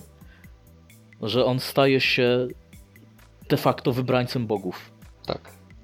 Tak. Jest ta część poza, pozamaterialna, jest ta część mistyczna w tym wszystkim. E, I, I to nie jest tak jak wiesz, tak jak, tak jak Conan, który e, dokonywał heroicznych czynów w imię swojego, swojego boga, e, ale, ale był takim właśnie e, archetypicznym wojownikiem. E, Tutaj po prostu Robin Hood musiał się stać obrońcą ludu i obrońcą tradycji. Mhm. Tak. Tam bardzo mocno było widać ten, ten, ten motyw tak zwanej reakcji pogańskiej. Tak, Tak? zmi- zmieniającego się świata, no to, to faktycznie. Że tutaj, tutaj chrystianizacja na pełnej krzywej i, i wszystko należy już do kościoła. I, i, I mamy y, wyprawy krzyżowe, które, które po prostu dziesiątkują populację. A tutaj gdzieś w lesie, e, blisko natury, mamy tą grupkę ludzi, e, która, która żyje w zgodzie z duchem ziemi i, i, z duchem, e, znaczy z tymi, z tymi, z tymi duchami tamtego miejsca, tak? I, i staje się jakby wykonawcą mm, poleceń tego, tego, tego rogatego Boga i stara się przywrócić taki naturalny ład tej ziemi. no, To było dla mnie niesamowite. Ja takich bohaterów potem bardzo, bardzo szukałem i a, po latach y, też takim bohaterem stał się dla mnie na przykład John Constantine, e, Hellblazer komiksowy. O, o, no jasne. Nie, nie, fil, nie filmowy, o filmowym wolę nie rozmawiać, bo, bo jest to dobry film, ale ma bardzo mało wspólnego z komiksem. Ale właśnie to też jest dla mnie, to jest dla mnie bardzo ważny typ bohatera, ten w jakimś stopniu szaman, w jakimś stopniu e, człowiek mając połączenie z tą, tą jakąś wyższą siłą i e, wypełniający w, w jakimś sensie jej wolę, a przywracający naturalny ład. Hmm. Właśnie zdałem sobie sprawę, że w sumie tak uderzyłeś w stronę komiksów i przypomniał mi się wygadany badass, który nie jest badassem, a którego uwielbiałem, uwielbiam do dzisiaj, czyli Spider Jerusalem i Transmetropolitan, który jak najbardziej wpisuje się w mój archetyp właśnie tych badassów, jest których tak, to jest- najbardziej lubiłem, czyli, czyli tak naprawdę dziennikarza, który słowem i piórem jest w stanie zrobić więcej niż, niż niektórzy bohaterowie e, Zresztą, karabinem. kurczę, tak naprawdę jego pierwowzór Tak, oczywiście. A- No jasne. No, no, Thompson, Thompson to jednak jest, jest Hunter postać, Thompson, Jest, jest postać. absolutny, absolutny badass swoją drogą, tak? Bo, bo, bo człowiek, który dla dziennikarstwa Gonzo no, nie tylko jest ikoną, tak? Ale, ale on w zasadzie stworzył ten nurt On jest w dużym Gonzo, stopniu. Tak, był. To, to, to on po prostu, tak? A, a jednocześnie facet, który. A, on, owszem, on się w końcu zabił, tak? A, ale bardzo długo był czynny i działał i robił rzeczy, mimo potwornego bólu, który, który codziennie czuł, tak? Hmm, dokładnie. Także doszliśmy tutaj do jakiegoś takiego real life hero, a, który gdzieś tam potem miał swoją emanację w postaci takiego, takiej postaci jak Spider Jerusalem. Zrobimy sobie kiedyś odcinek o komiksach na pewno. No, to chętnie. A natomiast już dzisiaj, jeżeli ktoś nie zna postaci e, pająka Jerusalem, e, czyli, czyli bohatera komiksu Transmetropolitan, to serdecznie, serdecznie obaj ze Squallem polecamy. To jest, to jest jeden z najdoskonalszych tworów komiksowych, jakie powstały ever. Tak, tak. Jak, jak, jak mam po... Takich, takich naprawdę Jak ktoś pyta o, o... robiących różnicę. Tak, o komiks mojego życia to zdecydowanie mogę powiedzieć o Transmetropolitanie. To jest zamknięty, zamknięta seria i, I- i to jest to, co... Ja się pod tym podpisuję. Myślę, że dla mnie też jest Zdecydowanie. Transmetropolitan. Często wracam do, do, do tych komiksów i one nadal są tak samo dobre. Nadganiam teraz Preachera, bo, bo miałem w dzieciństwie okazję czytać tylko kilka tomów. E, teraz nad, nad- nadrabiam całość i, i jest to nadal dobre, ale, ale to, co, to, co mi zrobił Transmetropolitan, jak y, sprawił, że, że nie mogłem się oderwać praktycznie rzecz biorąc i zarywałem nocki, żeby skończyć y, całość, to, to, to, to, to się nie powtarza. A, no cóż, no, Znaczy to, to, jest, to jest specyficzne, bo Spider jest chłystkiem. On jest, on jest, on jest słaby fizycznie, Je- jego, jego można na dobrą sprawę złamać. pozamiatać, pozamiatać mio- miotłą, połamać, wybić mu zęby i, e, i, i ogłuszyć jednym celnym ciosem.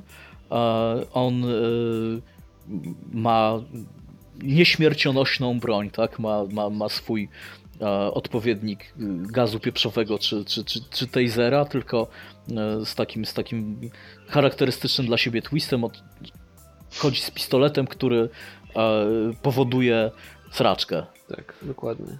u przeciwnika. Nazywa się to Bowel Disruptor, czyli zakłócacz jelit, tak? I to też jest jakby wyrazem tego, kim jest Spider. On, on lubi robić gnój. On czuje, że musi robić ten gnój. On, on kiedy spotyka się z niesprawiedliwością, to wyciąga laptopa i zaczyna pisać. Tak, jest, jest bardzo gniewnym człowiekiem, który gdzieś tam w głębi jeszcze jest dodatkowo ma, wściekłym człowiekiem. ma bardzo- jest bardzo dużo dodatkowych, y, człowiekiem.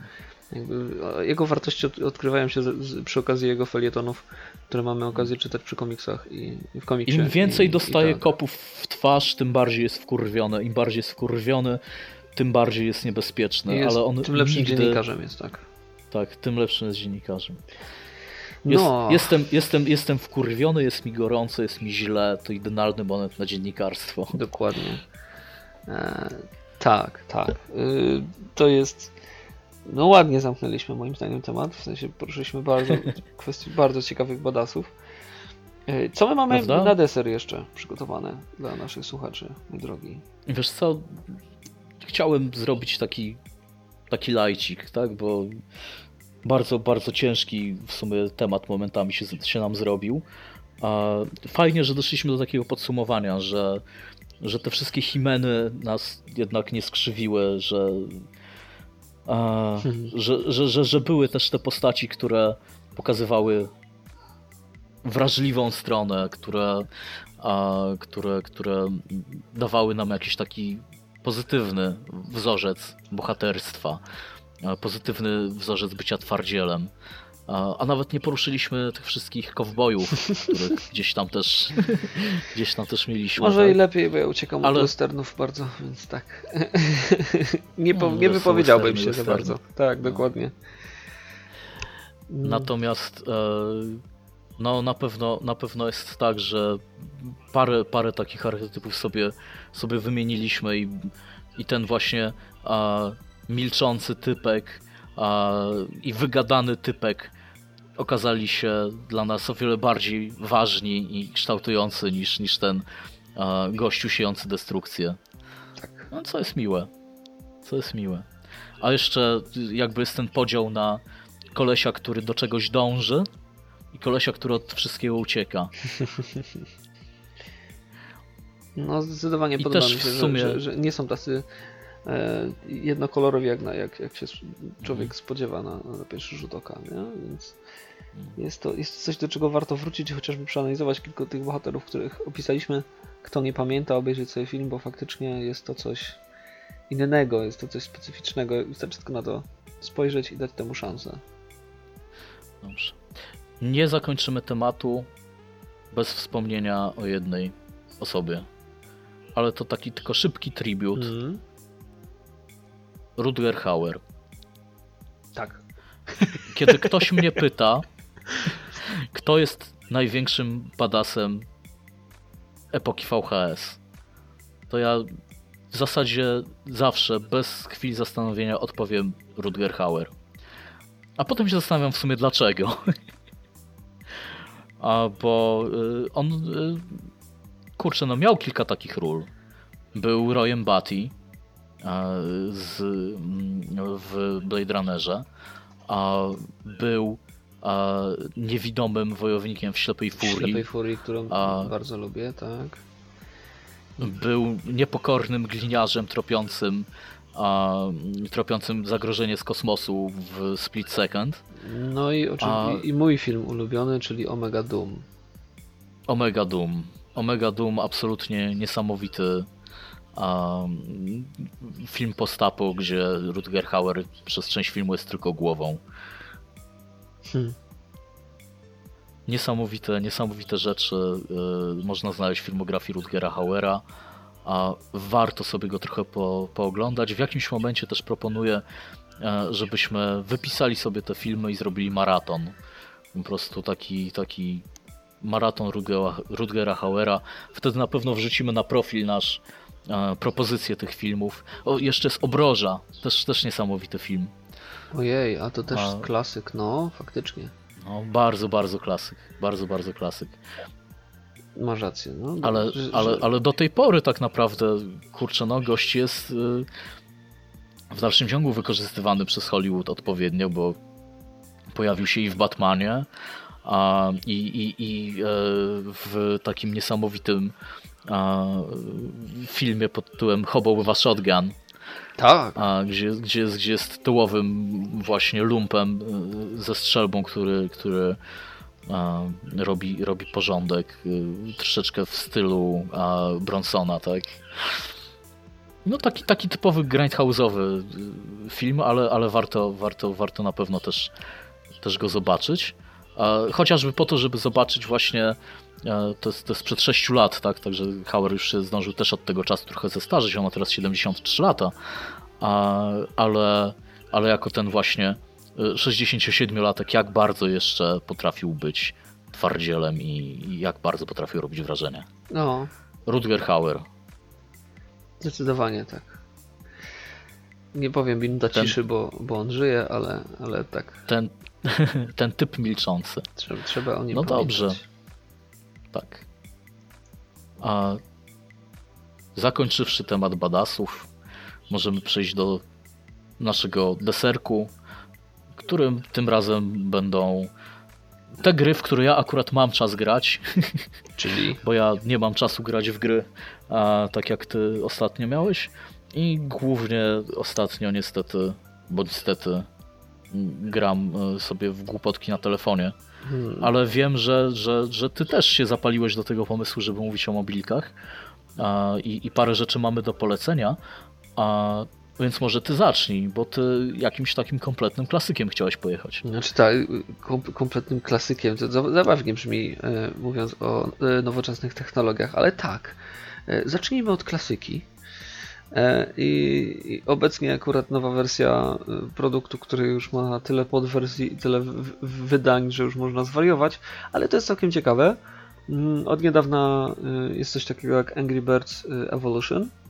Jest to całkiem zabawne, ponieważ jest to skrzyżowanie mm, zbieractwa, które lubimy w Pokémonach, e, z, z taką śmieszną formą gameplayu, mm, ponieważ nie jest to typowe strzelanie z procy, tylko wystrzeliwanie ptaków y, po płaskiej przestrzeni. Taka troszeczkę gra w zbijaka. I trafienie świgi prowadzi do tego, że tam zabiera się im troszeczkę HP.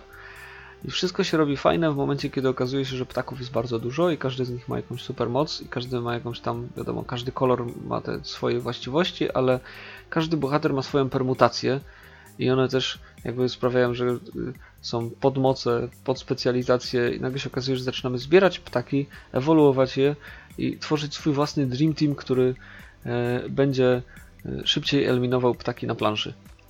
Z innych gier, które grałem na komórce mm, ostatnio, Co tak troszeczkę śmiesznie, ponieważ y, skakałem po bardzo dużej ilości tak naprawdę różnych apek i różnych gier, żeby coś znaleźć, co mi będzie właśnie jakoś tam pozwalało, nie wiem, na tak, tak zwane toaletowe mm, spędzenie czasu. Mm, I tak naprawdę testowałem bijatyki, jakie wyszły na, na komórki. W sensie troszeczkę tak z, z, czyste, z, z czystego, mm, z czystej ciekawości. Najpierw przetestowałem Mortal Kombat X, bo, bo chciałem zobaczyć, jak wygląda bijatyka tak naprawdę na komórce. Eee, I, I nie ukrywam, że to jest najbardziej zbieracka z, z wszystkich bijatyk i naj, najmniej interesująca dla mnie. Co sprawiło, że tak naprawdę przestałem się tym interesować. E, przeskoczyłem na e, Injustice, bijatykę, która nawiązuje do Injustice 2, które teraz wyszło mm, całkiem niedawno. E, I byłem ciekaw, jak uderzą w końcu to też NetherRealm, jak uderzą w, stronę takich samych, mm, takiego samego modelu walki, który, który jest znany przecież w Mortalu i w Injustice, że to jest bardzo zbliżone. W wersji komórkowej, czy będę miał Mortal Kombat wersję z superbohaterami, czy nie. Mm, I jest tutaj drobna y, przemiana, y, ale nadal jest to jakby taka bijatyka, która jest klikadełkiem, a nie bijatyką. Bo się wciska dwa, y, tam, wiem, wykonuje się dwa gesty i, i to jest tyle. I Wiesz to co, był ja w mój to Injustice problem chyba grałem trochę. Nawet, nawet Tak? mi się No zdarzyło widzisz. pograć, pograć w ten No Injustice. widzisz, tak. no. Tylko właśnie problem jest taki, że mm, ta gra skupia się na jakimś tam zbieractwie i może nawet to chociażby wciąga, ale sama przyjemność rozgrywki nie jest taka, jakiej oczekuję w bijatyce. Mhm. Nie jest to na tyle responsywne, żebym miał radochę. I to samo było w Mortal Kombat. I praktycznie już się poddawałem, e, po czym trafiłem na e, Transformersy całkiem niedawno. Transformers Forged to Fight. Transformers. Tak, to jest y, bijatyka, która częściowo nawiązuje do uniwersum y, Michaela Bay'a, częściowo do klasycznych Transformersów. E, I jest po prostu zwykłą bijatyką, w której biegamy od walki do walki, wykonujemy proste misje, questy. Mm, I nagle się okazuje, że bijatyka może być dobra na komórki. Bo tutaj jest mniej więcej Okej. to, to, co mi się podoba w Angry Birds, czyli zbieractwo, bo możesz zbierać bardzo dużo transformerów różnych, tylko musisz zbierać energię na nie. Więc musisz wykonywać questy, bić się tymi, którymi tam, które posiadasz i rozwijać tak stopniowo, e, żeby móc rozwijać, e, znaczy zdobywać kolejne transformersy. Mm, Sama walka jest świetna. Jest znacznie bardziej rozbudowana. Mm, Czy wciskamy, czy swajpujemy, czy przesuwamy palcem w górę, w dół, żeby przykładowo wykonywać uniki. Jest tego dużo. Nagle zaczynamy po prostu kombinować. Jak w klasycznych bijatykach na, nie wiem, na, na, na konsolach, gdzie, gdzie po prostu aż nas bolą palce od napieprzania w guziki. To jest mniej więcej to samo. Nagle, co prawda, uderzamy e, w, w płaski ekran, ale y, zaczynamy się skupić na tej walce, bo nie wychodzi wszystko tak jak chcemy, kiedy będziemy po prostu stukać w ekran. I to jest bijatyka. I to naprawdę jest fajna bijatyka, więc mogę zdecydowanie polecić. Co prawda nadal, niestety, jest to produkcja marki Kabam, e, więc jak większość gier komórkowych, trzeba brać energię, trzeba zbierać punkciki, są mikrotransakcje, jeżeli chcemy. Jeżeli nie, to musimy się trochę namęczyć, żeby móc coś tam rozwijać. Ale jeśli chodzi o bijatyki, to jest to jedna z ciekawszych e, dostępnych na komórkę.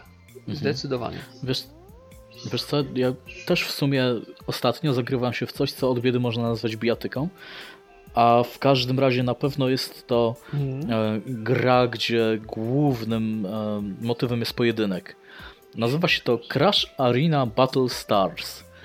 W skrócie, nie, Crash Arena. Kurczę, nie, inaczej to się nazywa. To nie może być Battle Stars. To się nazywa Crash Arena. A, litości. Crash Arena Turbo Stars. Turbo Stars, dziękuję. Crash Arena Turbo Czyli Stars. w skrócie, W skrócie- CATS. W skrócie CAT, dokładnie. E, świetnie, nie wiem w jaką grę gram. A, I to nie, nie wiem w jaką grę gram już od uch, dobrze ponad miesiąca, prawie No dwóch. bo pamiętasz, że kacy. Tak, bo pamiętam po prostu, że to jest CAC. A, I to jest gierka, w których małe, śmieszne kawaii kotki konstruują sobie Robocki. Przepraszam, musiałem. takie, no można powiedzieć, e, jakieś, nie wiem, no to nie są mechy, bo to są wszystko pojazdy kołowe, ale, ale pojazdy, e, pojazdy bojowe i e, napieprzają się na tych tycich arenach gdzie, gdzie jeden pojazd staje naprzeciwko drugiego i gracz wtedy traci kontrolę, tak? Tam wszystko dzieje się automatycznie. Ej, to jest Więc wszystko fajne. zależy tak naprawdę od tego, e, jak zmontujesz e, swój pojazd, jak, jak, jak bardzo e, dopimpujesz mu uzbrojenie i, i, i, i osłony. Ale ponieważ jest na tyle zróżnicowana ta gra pod względem modeli tych, tych pojazdów, które możesz zrobić, bo one mają różny kształt. Ale na starcie mają już też mówimy o tym, co możesz No. robić od początku, tak? od początku zbierasz elementy do, do, do, do, tych, do tych pojazdów, więc bardzo szybko masz możliwość zamiany tego podstawowego podwozia na jakieś inne. I, i e, szybko możesz zacząć kombinować, że może e, tobie bardziej pasuje taki bardzo płaski pojazd, bo jak ktoś do ciebie strzela z rakiety, to ona przeleci nad twoją głową. A może właśnie nie, może e, wysoki pojazd, który za to ma bardzo silne osłony i wszystko w niego wchodzi, ale za to on ma em, większą wytrzymałość i jednocześnie większy zasięg. Jeżeli do tego na przykład dołączysz taką e, tarcz, y, taką piłę tarczową na ruchomym ramieniu, to e, będzie miała idealny zasięg, będzie długo razić przeciwnika. A zaczynasz, zaczynasz kombinować, zaczynasz sobie e, wypróbowywać różne e, buildy tego, tego pojazdu. No i okazuje się, że cach cerachcach kończysz pierwszą ligę. No to jest podzielone na ligi, a tych lig jest 24 i co, co, co drugi dzień możesz awansować do, do wyższej ligi, o ile tylko skończysz na jednym z pierwszych sześciu miejsc. O, A w, wyższej lidze oczywiście mocniejsze uzbrojenie, też ładniejsze, bo, bo zaczynasz od jakichś tam drewnianych, e, po, po, pozbijanych gwoździami gadżecików, a kończysz na takich chromowano e, czerwonych, jakichś takich właśnie wypasionych już elementach, które, które wyglądają już bardzo high-techowo. Um, I właśnie ten rytm tej gry, że, że co dwa dni, co drugi dzień masz możliwość awansu do drugiej ligi, a, co drugi dzień z kolei um, masz e, taki ranking i tam też kończysz na jakimś, na jakimś miejscu i zależnie od tego na jakim miejscu skończysz, to e, dostaniesz e, mniejszą lub większą nagrodę i tą nagrodą są zawsze niemal części. o, Dodatkowe części, którymi możesz też rozwinąć e, swój, swój, swój pojazd. Także tych części sypie się multum. Dostajesz też e, skrzynki e, walcząc. Skrzynki się otwiera, tutaj akurat jest ten licznik czasu, tak, i, i, otwarcie skrzynki trwa 2 godziny w przypadku małych skrzynek i 6 godzin w przypadku dużych skrzynek. Możesz obejrzeć reklamę, żeby to przyspieszyć. Możesz też wykorzystać in-game'ową walutę, żeby otworzyć je szybciej.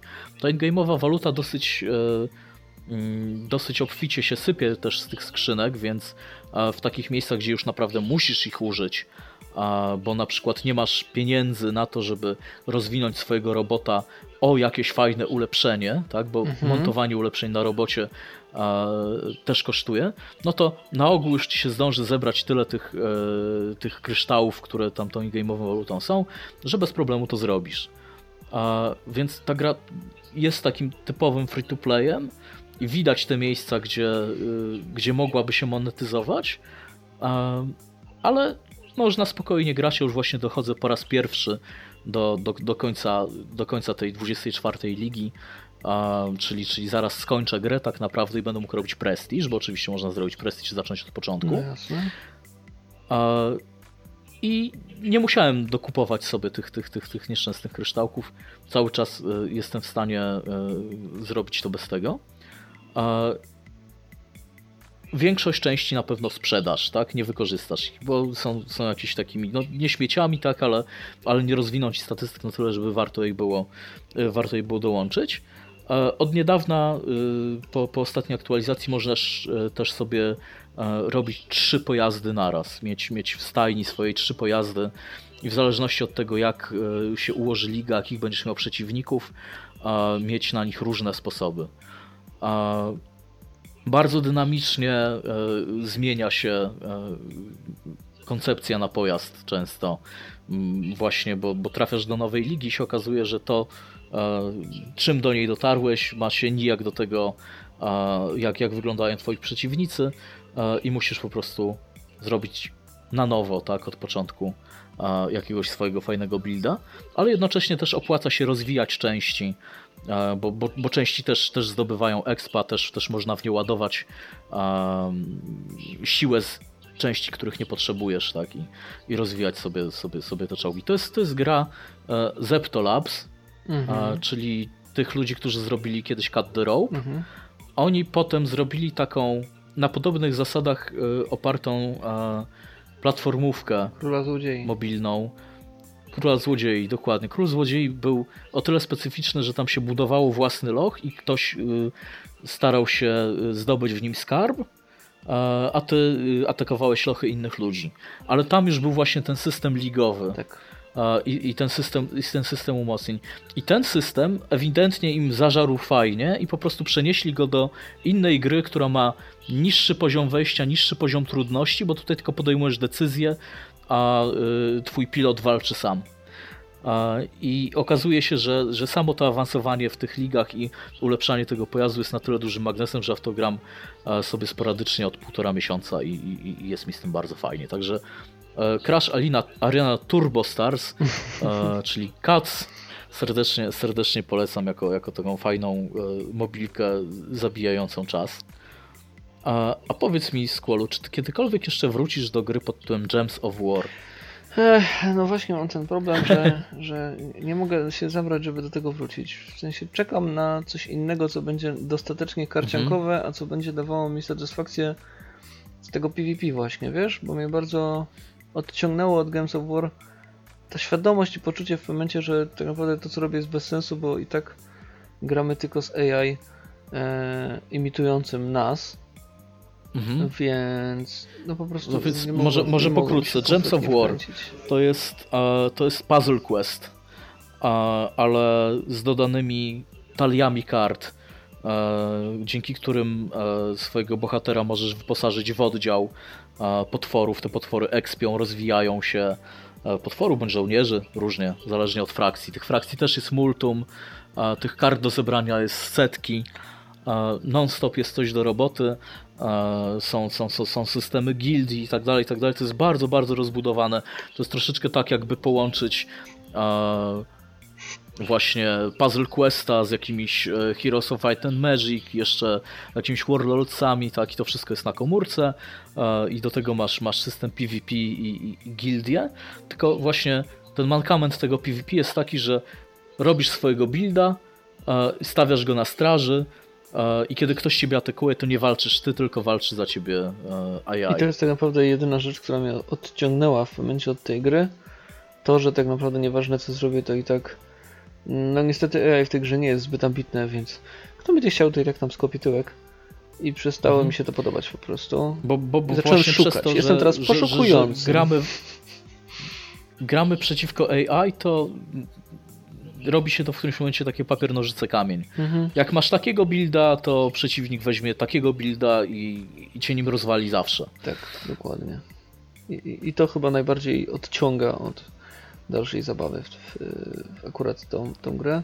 Dlatego szukam dalej. Natomiast przez bardzo fajnego singla ma też ta gra, tak? Bo tam jest naprawdę multum questów i w dodatku są fajnie napisane. Tam są, tam są, tam są ciekawe, e, ciekawe postaci. W dodatku jest tam prześliczna grafika ręcznie rysowana. E, Więc jeżeli ktoś szukał takiego puzzle questa, e, ale na mobilkach, to zupełnie już nie angażując się w te rozgrywki sieciowe, może też świetnie się bawić e, w Gems of War e, przez naprawdę długie miesiące, bo ja dobre dwa miesiące grałem e, sobie w singla, zanim zacząłem grać też online. Zdecydowanie. I mieliśmy nawet dobrze prosperującą gildię w szczytowym momencie naszej, naszego zaangażowania w to, ale potem to wszystko po prostu się nam rozmyło. Tak, tak, dokładnie. Wkręciłem nawet moją szefową Posłuchaj, to, a ona potem zmieniła gildię, bo stwierdziła, że jesteśmy za mało aktywni, więc... Naprawdę zmieniła gildię. Och, tak, jej. poszła do jakiejś tam y, jednej z, z, najlepszych gildii w ogóle. Eee, No i pewnie, pewnie wymiata. Jeżeli jeszcze gra, bo teraz wiesz, trzy tygodnie nie widziałem, więc nie wiem. Szef, sze- szefowa Squalla jest osobą, która e, była w stanie wy, wymaksować wszystkie Angry Birdsy, wszystkie wydania Angry Birdsów, tak miała chodziła i pokazywała swój tablet. Zobacz, wszędzie mam trzy gwiazdki. Na wszystkich poziomach. Tak, dokładnie. A z gier takich e, może mniej mobilnych, mniej typowo mobilnych, które też by się broniły poza, poza taką platformą. Jeszcze chciałem bardzo polecić moje niedawne odkrycie, które nazywa się Pin Out. A, I jest to w zasadzie pinball, O, ale bardzo mm, ciekawie rozwiązane. E, Wcześniej ci e, ludzie, e, czyli Mediocre, me, me, Mediocre, Games, zrobili grę, która się nazywała. A, a, no i problem, bo nie pamiętam, ale tam leciało się takim korytarzem i, i piłeczkami wylatującymi Smash jakby z hit. naszego czoła. Tak. Smash hit, dokładnie, dziękuję. Trafiało się, trafiało się w różne rzeczy. E, Ta gra ma fantastyczną wersję VR zresztą. Tak. Polecam wszystkim, którzy mają dostęp do Samsung Gear VR. Jest to jedna z najbardziej e, udanych, imersyjnych produkcji. No ale teraz sięgnęli po poetykę pinballa i zrobili to w takim stylu właśnie retro-elektro. E, Gdzieś tam pobrzmiewa e, muzyka New Retro Wave, a my e, staramy się odbijać piłeczkę tak, żeby przechodzić przez kolejne stoły. I chodzi o to, że te stoły nie są rozdzielone, one łączą się w jeden ciąg. Dokładnie tak jak, e, jak w Smash Hicie przechodzimy coraz dalej. E, I, I przechodzimy też przez kolejne checkpointy, więc możemy potem zacząć sobie e, od, od, od dalszych stołów. Mamy ograniczony czas, żeby się prze- przedostać do, do, kolejnych, do kolejnych stołów, ale jak już osiągniemy ten checkpoint, to możemy się cofnąć i poprawić czas. Mhm. E, I tam są jakieś tam minigierki dodające, dodające y, punkty e, i te punkty się przekładają na dodatkowy czas, ale generalnie to jest pinball na czas, w którym musisz zabrnąć jak najdalej, a jednocześnie właśnie ma przepiękną właśnie taką retro elektro neonową estetykę. Niesamowicie wciąga. Bardzo dobrze zrobiona gra, bardzo polecam.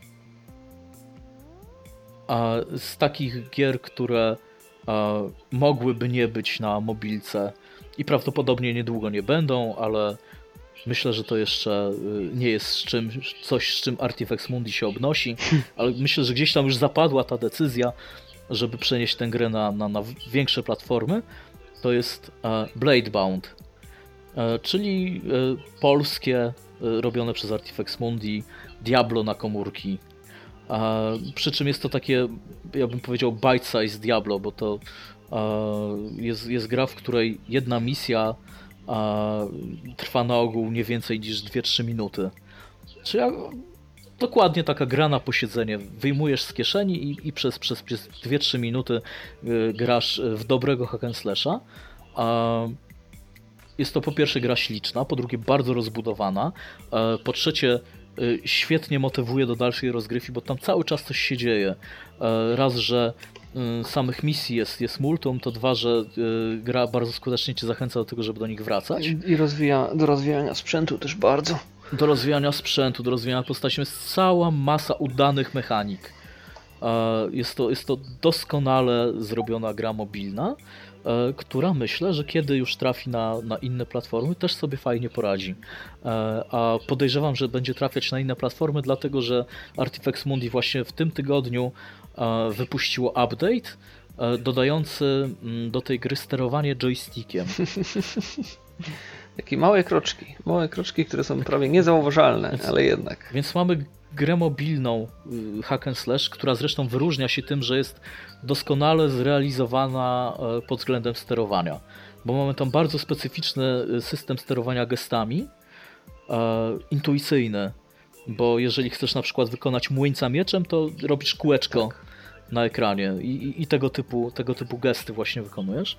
Jest to świetne, doskonale się sprawdza w takiej mobilce, ale właśnie teraz dodali opcję sterowania joystickiem, więc możesz albo sobie podłączyć e, kontroler, albo e, wyświetlić e, kontroler na ekranie. No czyli gdzieś tam to pewnie zmierza do tego, że to się będzie przenosiło na platformy typu, hm, bo ja wiem, Nintendo Switch. A, Tak, tak, gdzie myślę takie... tak z głowy sobie wy- wymyśliłem Nintendo Switch. No, tak, tak, tak, tak sobie myślę. Ja, no optymalnie, Myślę, że generalnie takie, coś. Takie, takie drobiażdżki, bo, bo to jest taka hybryda, tak? To jest, to jest, to jest konsola mobilno-stacjonarna, więc myślę, że to właśnie świetnie by się sprawdziło na tej platformie, bo to jest taka gierka, po którą możesz właśnie sięgnąć w tym autobusie czy, czy pociągu, gdzie ludzie faktycznie podobno zabierają Switcha. Nie wiem, e, jak się sprawdzi e, Bladebound podczas imprezy na dachu, ale e, zakładam, że też może być fajnie. Zdecydowanie warto spróbować. Jak ktoś jeszcze nie miał okazji przetestować Bladebound, to gorąco polecamy, bo to jest świetna polska produkcja Artifex Mundi. Naprawdę dali radę. Mm, To była pierwsza gra, którą grałem na komórce i doszedłem do, właśnie do, tak samo do wniosku jak ty, że to niekoniecznie musi być y, gra komórkowa. Jest na tyle dobra i na tyle um, jest grą, a nie farmą y, właśnie jest- jakichś y, tak. tam żetonów czy, czy, czy monet, czy mikrotransakcyjną po prostu jakby tam, nie wiem, zamaskowaną mikrotransakcją, że po Mhm. prostu czerpie się radochę i chce się w to grać. Tak, to, to jest zdecydowanie Co, co, co nie jest gra. oznacza, że tam tych mikrotransakcji nie ma i tam w ogóle na początku y, ta gra miała trochę z tym problem, bo y, miałeś takie uczucie, że chcesz grać dalej, a tu energia już się skończyła, Tak, to se kup, tak, to se tak, kup. tak, dokładnie. E, Ale, ale myślę, że y, Artifex też bardzo um, bardzo uważnie słucha graczy. I, i, I kiedy zaczęły się właśnie pojawiać takie głosy, że come on, ja chcę grać dalej, dlaczego mi nie pozwalacie, to nie jest dobrze rozwiązana monetyzacja. Oni bardzo, bardzo wiele w tej grze zmienili. Ja miałem e, możliwość pograć w nią zaraz po premierze, Mhm. a potem właśnie długo, długo nie. Niedawno do niej wróciłem i odkryłem, że bardzo wiele się zmieniło, bardzo wiele zostało usprawnione, również właśnie pod kątem tej monetyzacji e, i tego, jak gra dawkuje e, te, te, te, te kolejne misje, kolejne porcje. Także świetne, polecam, chociażby właśnie po to, żeby zobaczyć, jak znakomite gry mogą e, również tutaj powstawać um, mobilne w Polsce. Tak, tak, zdecydowanie. Bo, bo do tej pory taką, taką sztandarową, myślę, polską grą mobilną e, było Skyforce. A Mhm. teraz, teraz, teraz jakby. I, I to też jest zresztą gra, która przeszła na, na, na, na- wyższe platformy, sobie awansowała. A, a teraz mamy też właśnie Bladebounda i, I- i jest, jest, jest doskonałe. I tak wiem, ma, mam podgląd, więc y, wiem, że będziesz zaraz chwalił drugą y, całkiem ciekawą polską grę. Taki mały debiucik, który warto powiedzieć, więc myślę, że może od razu Właśnie płynnie do tego koniecznie. przejść. No. Przejdźmy sobie, przejdźmy sobie płynniutko do gry pod tytułem Up and Up. To jest debiutancka gra bardzo młodego e, zespołu. To jest, to jest ich e, absolutnie e, pierwsza opublikowana gra. Nazywa się to Limitless Games. I e, zrobiły to w zasadzie trzy osoby z grafikiem włącznie. Głównym, głównym projektantem tej gry jest Kamil Chmiel.